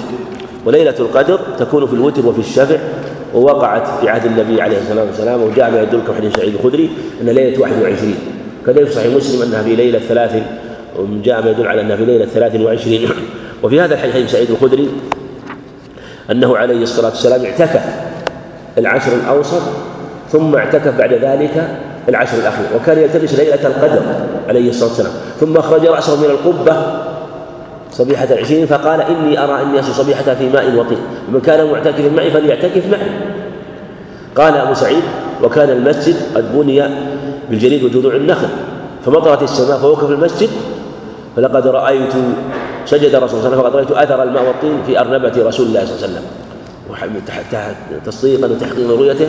إني رأيت الناس صبيحة في ماء وطين. صحيح مسلم أنه عليه الصلاة والسلام اعتكف شهرا كاملا يلتمس ليلة القدر قبل أن يعلم أنها في العشر الأواخر. ثم اعتكف العشر الأوسط يلتمسها. ثم أخبرهم أنها في العشر الأواخر. في العشر الأواخر. في دلالة على أن من صلى فلا يمسح التراب عن وجهه إلا ما يتأذى منه. إنما المسح يكون نفس الأرض. إذا كنت تسجد في تراب تمسح. كما في حديث معيط بن فاطمة الدوسي واحدة تسوية الحصى. ولا أنت في حديث عند أحمد جابر ولا أن تمسك عنها خير لك من مئة من كلهن سود الحدم. كلهن سود الحدم. أما الجبهة فتترك. تترك إلا إذا يعني خشي أن تتقدر ثيابه لا بأس بذلك لا بأس بذلك يعني. أما إذا علم فكما فعل عليه الصلاة والسلام ولهذا لم يزل أثر الماء والطين وذلك أنه أثر عبادة. قال بعضهم إنها أثر عبادة فحسن أن يتركه حسن أن يتركه حتى يفرغ من العبادة. من صبح 21 كان فلهذا كانت تلك الليلة فيما يظهر أنها ليلة 21 حديث الاعتكاف الاعتكاف هو لزوم مسجد للطاعة. قل تعالى ولا تباشرون وأنتم عاكفون في المساجد. اشترط في الاعتكاف أن يكون في مسجد جماعة. يكون في مسجد جماعة. ولا يشترط أن يكون جمعة. ولو كان اعتكافه إيه، يوافق أو يصادف جمعة. وفيه انه اعتكف عليه الصلاة والسلام في العشر الأواخر من رمضان. وهكذا كان يعتكف في العشر الأواخر من رمضان واعتكف أزواجه بعده رضي الله عنهن. وفي لفظ مسلم هذا هذا وفي لفظ لهما هذا وفي لفظ لهما كان يعتكف في كل رمضان. يعني كل عام يعني ليس في جمع يعني في كل عام في كل عام يعتكف. وكان اعتكافه في العشر الأواخر إلا ذاك العام الذي اعتكف آه، فيه شهرا كاملا.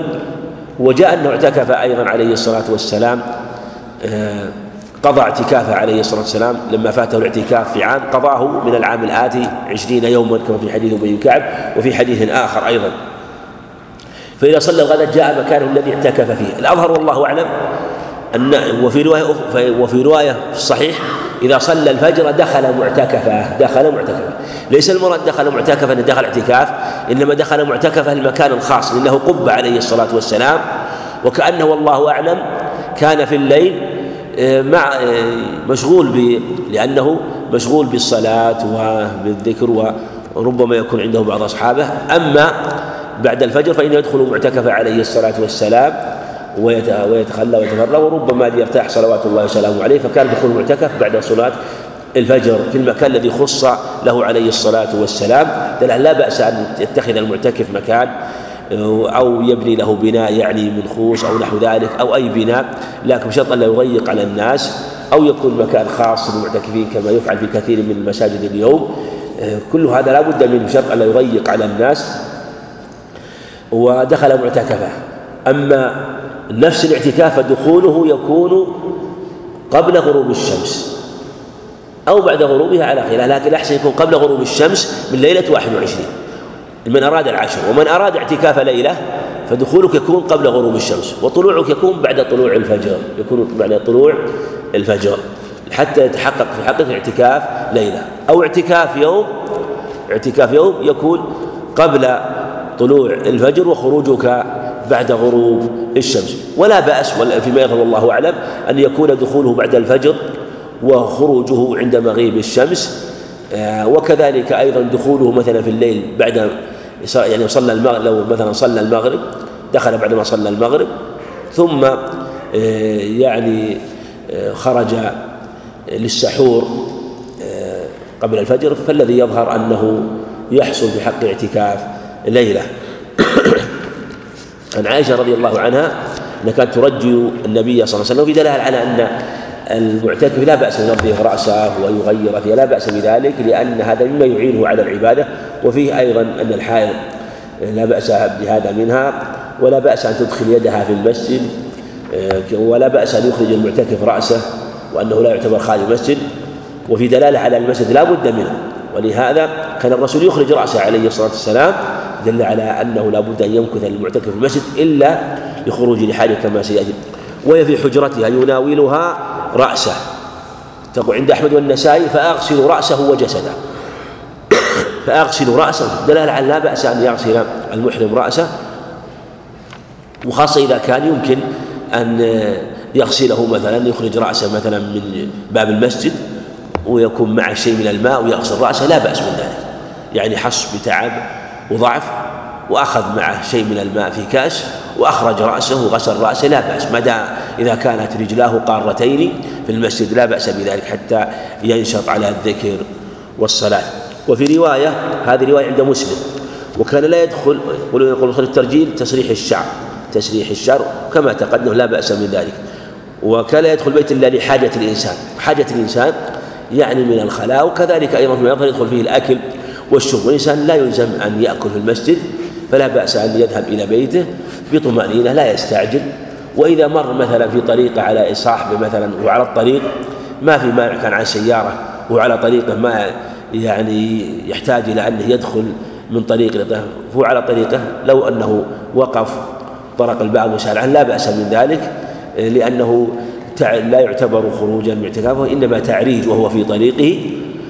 وكذلك لو كان المريض على طريقه مثلا فلا بأس من ذلك مع أن الصحيح أنه لا بأس للمعتكف أن يخرج على الصحيح لزيارة المريض ويخرج أيضا إذا كان من عادة يصلي عليه لا بأس لأنها عبادات لا ينافي بعضها بعضا لا ولا يحتاج إلى اشتراط والقول بالاشتراط لا دليل عليه قول بالاشتراط لا وليس وليس هناك دليل على ما ذكروه من الاشتراط للاعتكاف فالاعتكاف أيسر ثم في الحقيقة أن تضييقه في الاشتراط قد يضعف جانب الاعتكاف والنشاط المعتكف حينما يعلم أنه كأنه في حبس وسجن لا النبي عليه السلام جاءته صفية ثم خرج معها.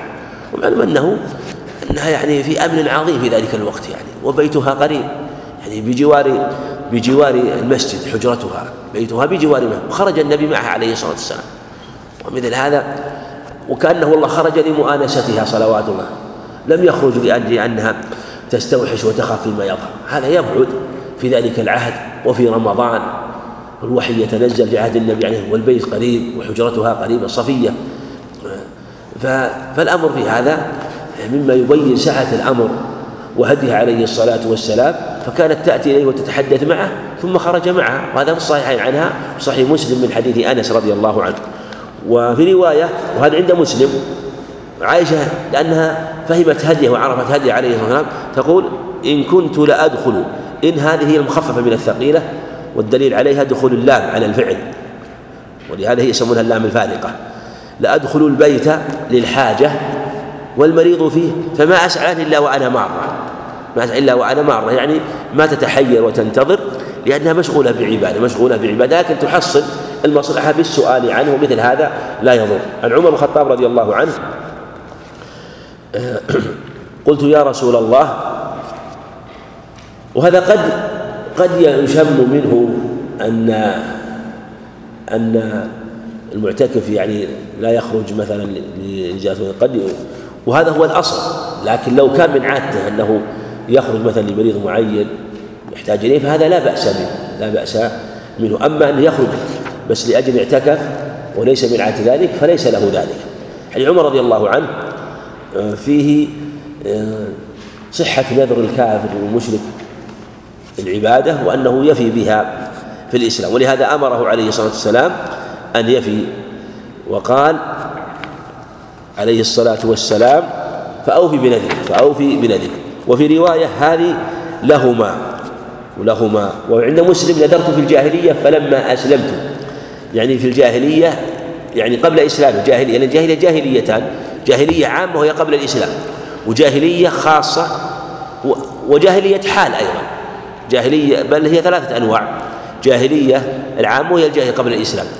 وجاهلية خاصة كل إنسان قبل إسلامه فهو جاهلية. وجاهلية حال للمسلم مثل قول النبي عليه الصلاة والسلام إنك امرؤ فيك جاهلية. إنك امرؤ فيك جاهلية. قال فلما أسلمت سألت آه هذه رواية عند مسلم أنه قال فلما أسلمت فلما سألت رسول الله صلى الله عليه وسلم وفيه أنه عليه السلام أمره بأن يفي اعتكاف عند أبي داود من طريق عبد الله مدين قال اعتكف وصوم. وهذه الرواية فيها ضعف. من طريق عبد الله مدين لا تثبت. وفي بعضه يوم وبعضها ليلة. دلالة على أن أقل الاعتكاف يوم أو ليلة. هذا هو الأظهر أن الاعتكاف لا يكون إلا يوم أو ليلة. فليس في اعتكاف مثلا مقدار ساعة كما هو المشهور في المذهب وقول جمع العلم. ولهذا النبي عليه الصلاة والسلام ذكر المرابطة ولم يذكر الاعتكاف والنبي عليه الصلاة والسلام كان يجلس في المسجد بعد الفجر كما في حديث جابر بن سمرة حتى تطلع الشمس حسنا عند أبي داود حسنا أي طلوعا حسنا ولم يأو اعتكاف ولم يعتكف وإلا لو كان اعتكاف مشروع لم يفوته ولا دل عليه عليه الصلاة والسلام ودل في أحاديث جاءت في الجلوس بعد العصر وبعد الفجر ولم يأمر اعتكاف عليه الصلاة والسلام فدل على أنه ليس مشروعا والأظهر والله أن يضبط بيوم أو ليلة لحديث لقصة عمر رضي الله عنه في حديثه هذا. حديث صفية تقدم الإشارة إليه وفي أن لا بأس المعتكف يتحدث ولا بأس أن يأتيه أهل أن يأتيه أهله وأن يزوروه ويتحدث معهم لا بأس من ذلك. لكن التحدث ينشط به يعني من باب الترويح على النفس والنشاط على العبادة ويتحدث مع إخوانه ويكون غالب وقته في استغلاله فيما تيسر في, في الذكر والصلاة. وذهب بعض العلم لا بأس من طلب العلم لا بأس من طلب العلم وذهب بعض العلم كابن القيم وجماعة إلى أنه يتفرغ للعبادة. وهنا العلم يقول لا بأس من ذلك وقد يقال إذا كان جنس الحديث المباح أنه لا بأس به فإذا كان أن يستبدل الحديث المباح بالعلم فهو أولى فهو أولى من ذلك. ما أن عليه أن يراوح وينظر إيه، الشيء الذي يكون أعون له على اعتكافه. وفيه أنه عليه الصلاة والسلام قال للأنصاري على رسلكما. إنها صفية في أن المعتكف يدفع عن نفسه. وباب البخاري باب المعتكف يدرأ عن نفسه وأن الإنسان لا يكون في مواطن الريب ولا يتعرض لها. وهو رسول الله عليه عليه الصلاة والسلام. الصحابة لما رأوا الرسول أسرع خجلا وحياء رضي الله عنهما لأن معه زوجه. فقال عليه السلام إنها صفية. قال يا رسول الله. قال إن إن الشيطان يجري من آدم مجرى الدم وخشيت أن يقضي في قلوب شرا أو شيئا. عند مسلم من حديث أنس يبلغ من آدم مبلغ الدم. ولهذا الشيطان خبيث. ربما يعرض في مثل هذا فأراد النبي عليه الصلاة والسلام أن يسد الولد الإنسان يسد باب الوسوسة. سد إياك أن تفتح باب الوسوسة. سدها ولهذا النبي عليه الصلاة والسلام أمر بالإعراض عنها. أحمد رحمه الله يقول يتلهى عنه فلا يجعل له بابا ويعرض عنه ولا يبالي به فإنه من أعظم الأعوان والإعانة على كف شره وذهاب كيده لأنه يقول الشيطان لأصحابه إنه لا يبالي بكم إنه لم يكن لكم اعتبارا. ولهذا يوصى بالإعراض وعدم الالتفات وخاصة من يتم شيء من الوسوسة فإن الشيطان ربما ينشر وربما يدركه لكن لا يزال في احتراق حتى يهلك ويضعف كيده. وفي رواية أنها جاءت تزور في اعتكافه عليه الصلاة والسلام في العشر الأواخر ثم ذهب معها يقربها عليه الصلاة والسلام. وقوله هنا آه، عند باب أم سلمة ثم ذكر معناه يعني أن دارها بعد ذلك يعني حينما حدث الراوي تغيرت الحال لكن هي دارها كانت غرفة من الغرف كسائر غرف أزواجه عليه الصلاة والسلام. والله أعلم وصلى الله وبارك على نبينا محمد.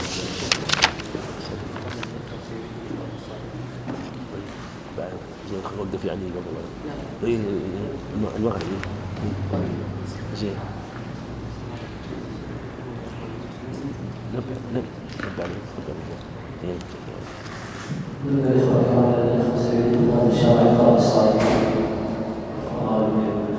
جزاكم الله خير طيب فيه السؤال الأول الاعتكاف ما هو أقل قدر وما هو الدليل عليه؟ ما هو أقل قدر وما هو الدليل عليه؟ نعم. نعم. قول قول اعتكف يوما أو اعتكف ليله أحسن بارك الله فيك. نعم.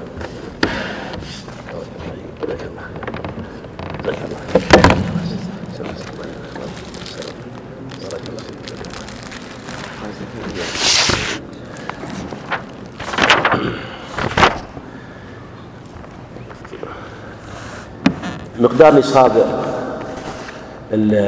الحبوب الثمار كم مقدارها بالصاع وكم مقداره بال... ذكرنا مقدار الكيلو ولا لا؟ ولا ما ذكرناه؟ ذكرناها كم مقداره بالصاع كم مقداره بالكيلو مقداره بالصاع وكم مقداره بالكيلو نعم مقدار مقدار الصاع لكن السؤال وش قلنا؟ مقدار نصاب ولا لا؟ ها؟ اللي هو زكاة ماذا؟ نعم. هذا السؤال زكاة حبوب الثمار. كم مقدار زكاة الحبوب والثمار بالصاع النبوي؟ نعم. قال عليه الصلاة والسلام ليس قال نعم. وكم الوسق؟ كم مجموعها؟ كم الوسق؟ نعم زدها قليلا. ها؟ زدها عقدا ها؟ كم الوسق؟ خمسة أوسق والوسك كم؟ ستون صاع والمجموع كم؟ خمسة في ستين كم؟ ما درست حساب لا لا خمسمائة كريم جزاك الله خير. بس تثقل على المزارعين. أو أو تخفف الحقيقة. نعم. كم؟ ثلاثمائة؟ نعم. وبالكيلو كم؟ بالكيلو الكيلو الصاع مقدار كيلوين ولا لا؟ وثلاثمائة صاع كم المجموع ستمائة ولا لا؟ ما تفضل مع ما يخالف لا بأس. اجتهدت ولا بأس كل مجتهد نصيب. جزاك الله خير. بارك الله فيك جزاك الله خير جزاك الله خير جزاك الله خير بارك الله السلام عليكم السلام عليكم هذا الذي معك؟ إيه لا حديث ابن عباس الصحابة صلوا مع النبي عليه الصلاة والسلام كانوا قد صلوا عليه قبل ذلك قال دلوني على قبره وقد صلوا عليه صفوا معه وصلى بهم الشيخ معاذ الشيخ معاذ إذا راوس الحديث ولا لا لا عايش كلام ولا تحكي يعني امرأة لا لا عائشة قد حروا زوجها. لمعاذ. لمعاذ لأن الخوارج يأمرون بقضاء الصلاة. السلام أهلا وسهلا حياك الله. شيخ هل ثبت عن عمر الخطاب وعلي وأبو بكر أنهم أنكروا جلسة الاستراحة؟ ما أعرف ما أدري والله ما أعرف ما أعرف. السلام جلسة الاستراحة. أهلا وسهلا عليك السلام حياك الله بارك صوف جلسة الاستراحة. صوف إنها سنة أم إنها سنة عند الحاجة؟ لا ظاهر الأدلة سنة ظاهر الأدلة.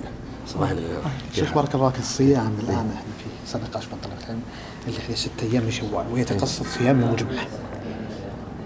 قلنا هل لحاجة؟ قال لا مو بحاجة تقصده. المقصود إنه يصوم قبله. لا لا ما صام قبله ولا بعده.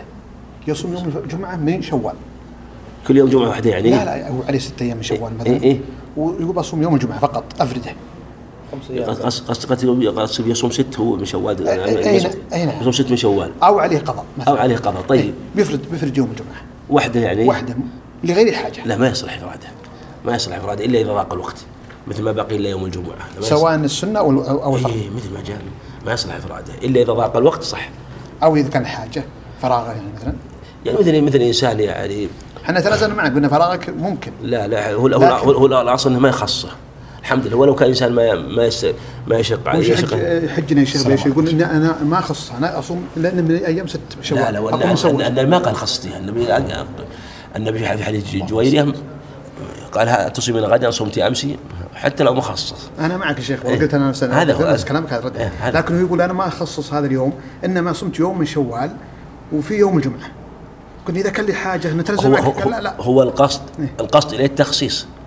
هو هو- هو القصد التخصيص. أي نعم، القصد. والأدلة ظاهرة. يعني نفس الكلام القصد نفس القصد تخصيص والأدلة ظاهرة. نعم بارك الله الله يحفظك. بارك الله. سم صوم الست قبل القضاء. في اشكال السلام عليكم ورحمة الله. ها؟ صوم الست قبل القضاء يا شيخ. والله الأولى أنه يقضي هذا الأولى. صام رمضان هذا لا يقضي اولا ثم يصوم هذا الأولى. هذا الشيخ. شيخنا الكريم إيه. نافع عن الإطالة بس. ها؟ متعلق شيخنا بالمجاهد إن كان من أهل البيت. هل يؤخذ من الصدق يأخذ من التبرعات الصدقات؟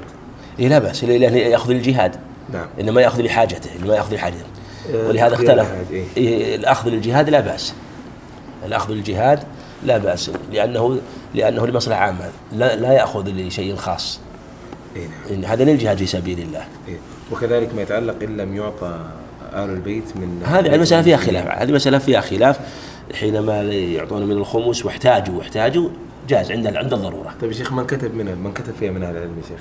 يعني مطولات المسألة هذه التفصيل له أحكام هي. هي موجودة في أصناف الزكاة لكن في كتب من أهل العلم مبسوطة موجودة. عند شراح الحديث هي مسألة مشهورة ومعروفة يعني. رفع الله هذا سمعت في صلاة الجماعة إيه. آه الذي لم يدرك صلاة كاملة لكن أدرك ال- ال- الجلوس الأخير مثلا صلاة العشاء.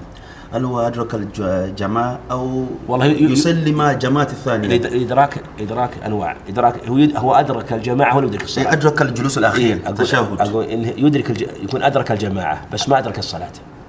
يد- يدرك الصلاة بركعة ويدرك الجماعة إذا جاء قبل التسليم. مم. أدرك الصلاة أدرك, أدرك الجماعة ولا يدرك الصلاة. عرفت؟ لكن هو- أيهما أفضل؟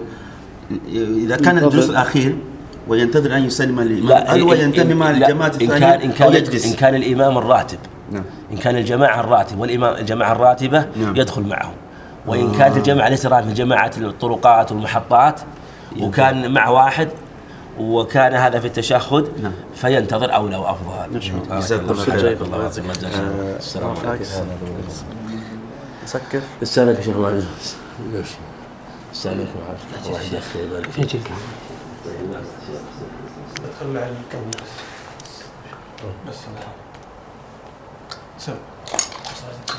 أثان الصحابة قضاء الوتر بين بين أذان الفجر والإقامة سم. هل هل جاء أثان الصحابة في قضاء الوتر بين أذان والإقامة؟ الفجر؟ جاءت هذا ذكر أحمد بن نصر المروزي رحمه الله في كتابه قيام الليل. لآخر والله أعلم أنه ما قصدوا يعني إنما ربما إنما ربما أنهم يعني تأخروا أدركهم آخر الليل قبل أن يوتروا. أدركهم آخر الليل قبل أن يوتروا. هذا هو. أما أن يقصد تأخيره لا لكنه كان يصلي ثم طلع الفجر. طلع الفجر ولم يصلي. فلا بأس جاءت فيها آثار كما نبه عليه حمد نصر رحمه الله شوف نفس المناظير اللي تدخلنا على الأوردة تنقض الوضوء شيخ؟ لا. نظير لا ينقض الوضوء لأنه بعض المعروفة خروج الدم والأشياء كلها لأنها نواقض محدودة ومعروفة ما سواها لا ينقض بالنسبة للمعتكف شيخ أنت ح- قررت شيخ أو فهمت من ذات الشيخ أنه يجوز الخروج للمعتكف شيخ إذا كان بيخرج لصلاة التراويح لكن المسجد آخر صوت هجمة. ما ما ما يظهر والله أنه لا خروج لهذا ما ما يظهر. يعتكف في المسجد هذا؟ يقول اذا كان يعتكف في نفس المسجد. هذا حتى لا يد يعني هذا إنما لو كان يعني لنص على انسان مريض مثلا ما عادة إنه يقوم عليه? فهو يخرج من عباده إلى عبادة. أما لو قلنا يخرج كذا ويخرج للزياره ما صار معتكف في الحقيقة. شيخ صلى الله عليكم الآن إذا كان أنه سلم صلاته قريب من السواء ها؟ أنه سلم قيامه وركوعه ورفعه قريب من السواء. إيه. والإنسان إذا رفع من الركوع وقال الدعاء المشروع لا يجي لا, يست... لا يعني أكثر من دقيقة ما ما يستقر. ماذا يقول بعد ذلك إذا قال ملء السماوات من الأرض؟ ثناء مطلقة أو ثناء لا محددة لا. لا مثلا م- مطلق يعني. أقول يكتب مثلا ربي الحمد. في حديث يجعل يقول ربي الحمد ربي الحمد. لربي الحمد. إيه يجعل دل على أنه لو كرر. لو كرر الثناء وما- إيه. فهل يكرر كان المشروع أو يقال- يقول ربي الحمد؟ مثل ها يكرر المشروع ربنا من من السماوات من لا الأرض أو بأس. يقول ربي الحمد أو يعني لو قال ربي الحمد أو كرر هذا القاعدة نشيله واطلق يقول هذا يقول غيره. كله ثناء لأن المقصود هو الثناء في هذا سواء كان من هذا أو من غيره. مثل ما نقول مثلا بيس رب اغفر لي رب اغفر لي وكذا مثلا. حديث عائشة سبحانك رب سبحانك اللهم رب الحمد اللهم اغفر لي وكرره. وما أشبه ذلك. وهل يقال الشيخ هذا أولى إطالة وإطلاق الدعاء أو يقول لا يقول مشروع ثم يركع ثم يسجد. كيف؟ وهل يقال الإطالة والتكرار من المطلق الثناء أو أو الانتهاء من المشروع ثم يسجد أو لا.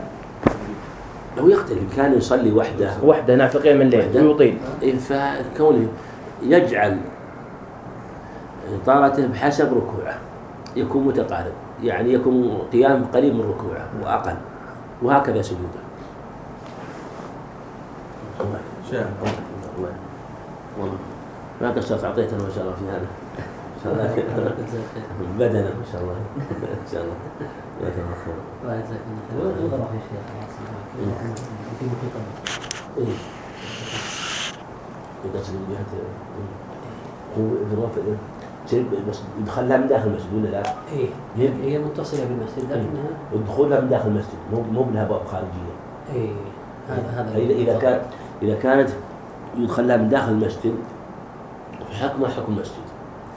يعني حكم يعني في حكم. في نفس نفس محيط المسجد في السور نفسها مثل مثل هذه مثلا مثل الغرفة هذه مثلا. يظهر الله ما تاخذ حكم المسجد. الغرفه هذه. هذه. لأن في الغالب موضوعه استقبال ودروس إيه. فلا يظهر أنها تاخذ حكم المسجد لأنها مفتوح على الطريق نعم والمعتاد أنها لا يقصد بها. ولها تكون موضع جلوس وحديث. الله يحفظك فلهذا لا, يشدد فيها في خلاف لو كانت غرفة لا متصل. أو كانت غرفة مثلا حال البناء اللي بناها قصدها إنها تكون غرفة مستقلة ما قصد وقفها ما حتى فلو كانت متصل مسجد فلا يضر. ولو كان ما لها باب. كان ما قصد جعلها مسجد. إيه. جعلها خدمة للمسجد أو ما غرفة. مستقلة يعني. غرفة مستقلة. خدمة معينة. خدمة معينة استقبال نحو ذلك أو تناول شيء أو راحة مثلا. راحه الإمام والمؤذن أو يقول هذه ما قصد ذلك لا بأس. ولهذا لو آه، يعني مثلا يعني من باب الاحتياط لو وضع مثلا بعض الأحيان بعض الأخوات تحرجون مثلا دخول المسجد مثلا حائض إيه حوض الدرس وكذا. لو نقول لو يكون مع المساجد غرف مستقلة منفصلة يكون لها سماعات يكون مجلس ال- ال- محل لهم لا يصير يعني في قرية المسجد غرفة. والدخول للضرورة يا شيخ؟ المسألة هذه؟ الدخول للضرورة. دخول الحائل يعني إيه. المسجد للضرورة. لا ما لا بأس. بل نفس دخول الحائل. دخول الحائل نفسها المسجد للذكر هذا جائز عند بعض العلم. يعني بعض العلم يرى أنه لا بأس به. ولا بأس أن تدخل المسجد وان كانت حائل لطلب العلم. شنو أحسن الله إليكم وي- ويقولون إن ما وذكروا أدلة تدل على هذا. ذكروا أدلة تدل على هذا إنه يجوز إنها ت- تدخل المسجد ولو كانت حائل خاصة إذا إذا خشن يفوت عليها. ما يفوت قول قوي وفي أدلة تدل عليه في امرأة حضرت اليوم فاتصلت معي زوجتي قالت أتت امرأة أخرى قالت لها أنت ما تصلين. اقعد عند الباب. قاعد عند باب الشارع. والله هذه أنا أقول لا بأس. ولا تحفظه. ولا ولا يمكنها تحصيل العلم. إلا بحضور المسجد ولا بأس. تقول ميمونة. أنا كانت حين تد- تدخل المسجد تضع الخمرة. تضع الخمرة. والجمهور يمنعونه. لكن القول بجواز متوجه جيد. أحسن الله إليكم. آه، تحروها في خامس تبقى في سبعين تبقى. هل يدل هذا أن الوتر يكون مثل قول ابن تيمية؟ أن أن الوتر يكون آه، باعتبار الباقي ليس باعتبار. وش وش ترجيحكم في هذا؟ ونقلوا هذا يعني هل الشهر تام ولا ناقص يعني؟ نعم. الشهر شهر تام ولا ناقص يعني؟ نعم. مم. يعني مثلا إذا كان تاسعة تبقى في 21 سابعة تبقى 23 نعم. خامسة 25 وإذا تم يكون 26 ويتم لكن هذا باعتبار آه، نقصه فيما يظهر. باعتبار نقصه. لأن ما صمنا رسول مع رسول 29 أكثر مما صمنا معه 30 نعم. طيب وش ترجيح ثم الحديث ظاهر يعني التاسعة في الغالب يقول تاسعة شارع.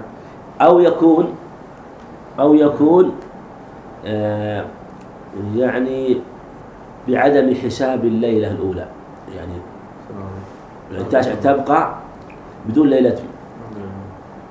يعني كيف كيف ال- الم- المتعبد يجتهد في هذا؟ ولا لا يعلم يعني هل هل تم الشهر يتم أو ينقص؟ كيف؟ المتعبد إذا إيه. كان راي ابن تيمية. إيه؟ ما يستطيع أن يعرف. فهذا يدل على أن الوتر شيء يعني يحتمل أن يكون 23 يحتمل أن يكون 22 الوتر؟ اي لا الوتر. الوتر يعني اللي يتعبد بالضحى. الليلة مثلا إذا دخل الشهر إذا دخل الشهر علم أوله خلاص ليلة 21 ليلة 21 اللي في نفس مو اللي في نفس الأمر. مثل ما لو ترى لو ترى رأينا الهلال وقال رأينا الهلال. والحقيقة ما رؤي. ها؟ تبين أن صمنا صاموا الناس. خلاص الصوم يوم يصومون الناس. ولو تبين بعد ذلك اللي اللي إنه- أنا كذاب. ما رأيت. بس بصوم كل قلت حسابتي ما صام ها؟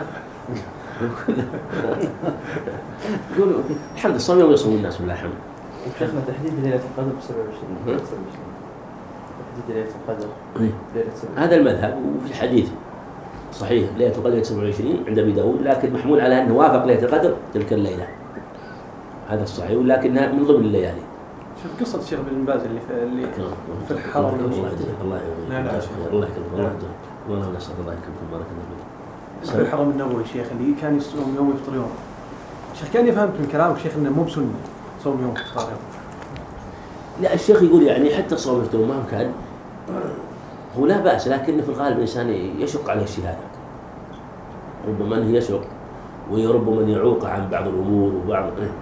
والشيخ رحمه الله دائما يسلك مسلك السعة والتيسير. هذا يعني وربما أنها أيضا تعرف كل جلساء وأهل وأصحاب تعرف ربما حتى أهل يتضايقون مثلا.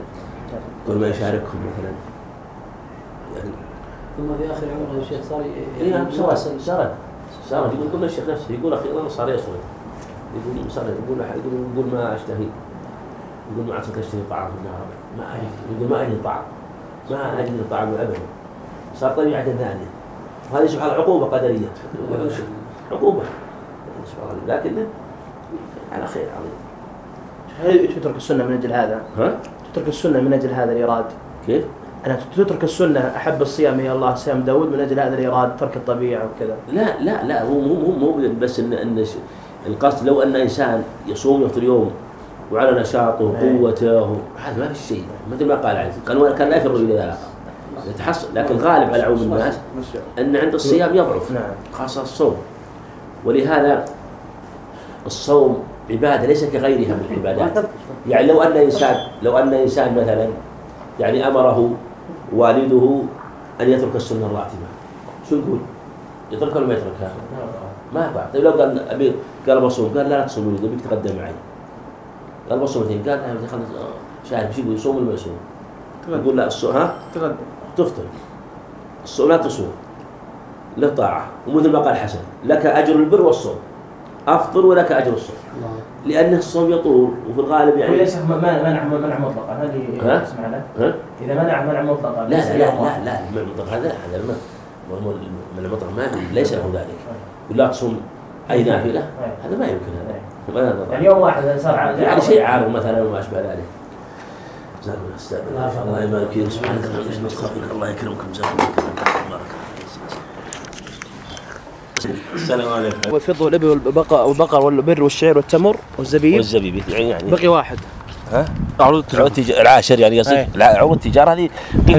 إيه، في- لكن ما ذكر يا جماعة هذا الشيء العاشر هو ال- عرض التجارة يعني وضوء غير غير طاهر. لا صحيح إنه ما يمس قول أئمة أربعة. ما يمس قول إلا طاهر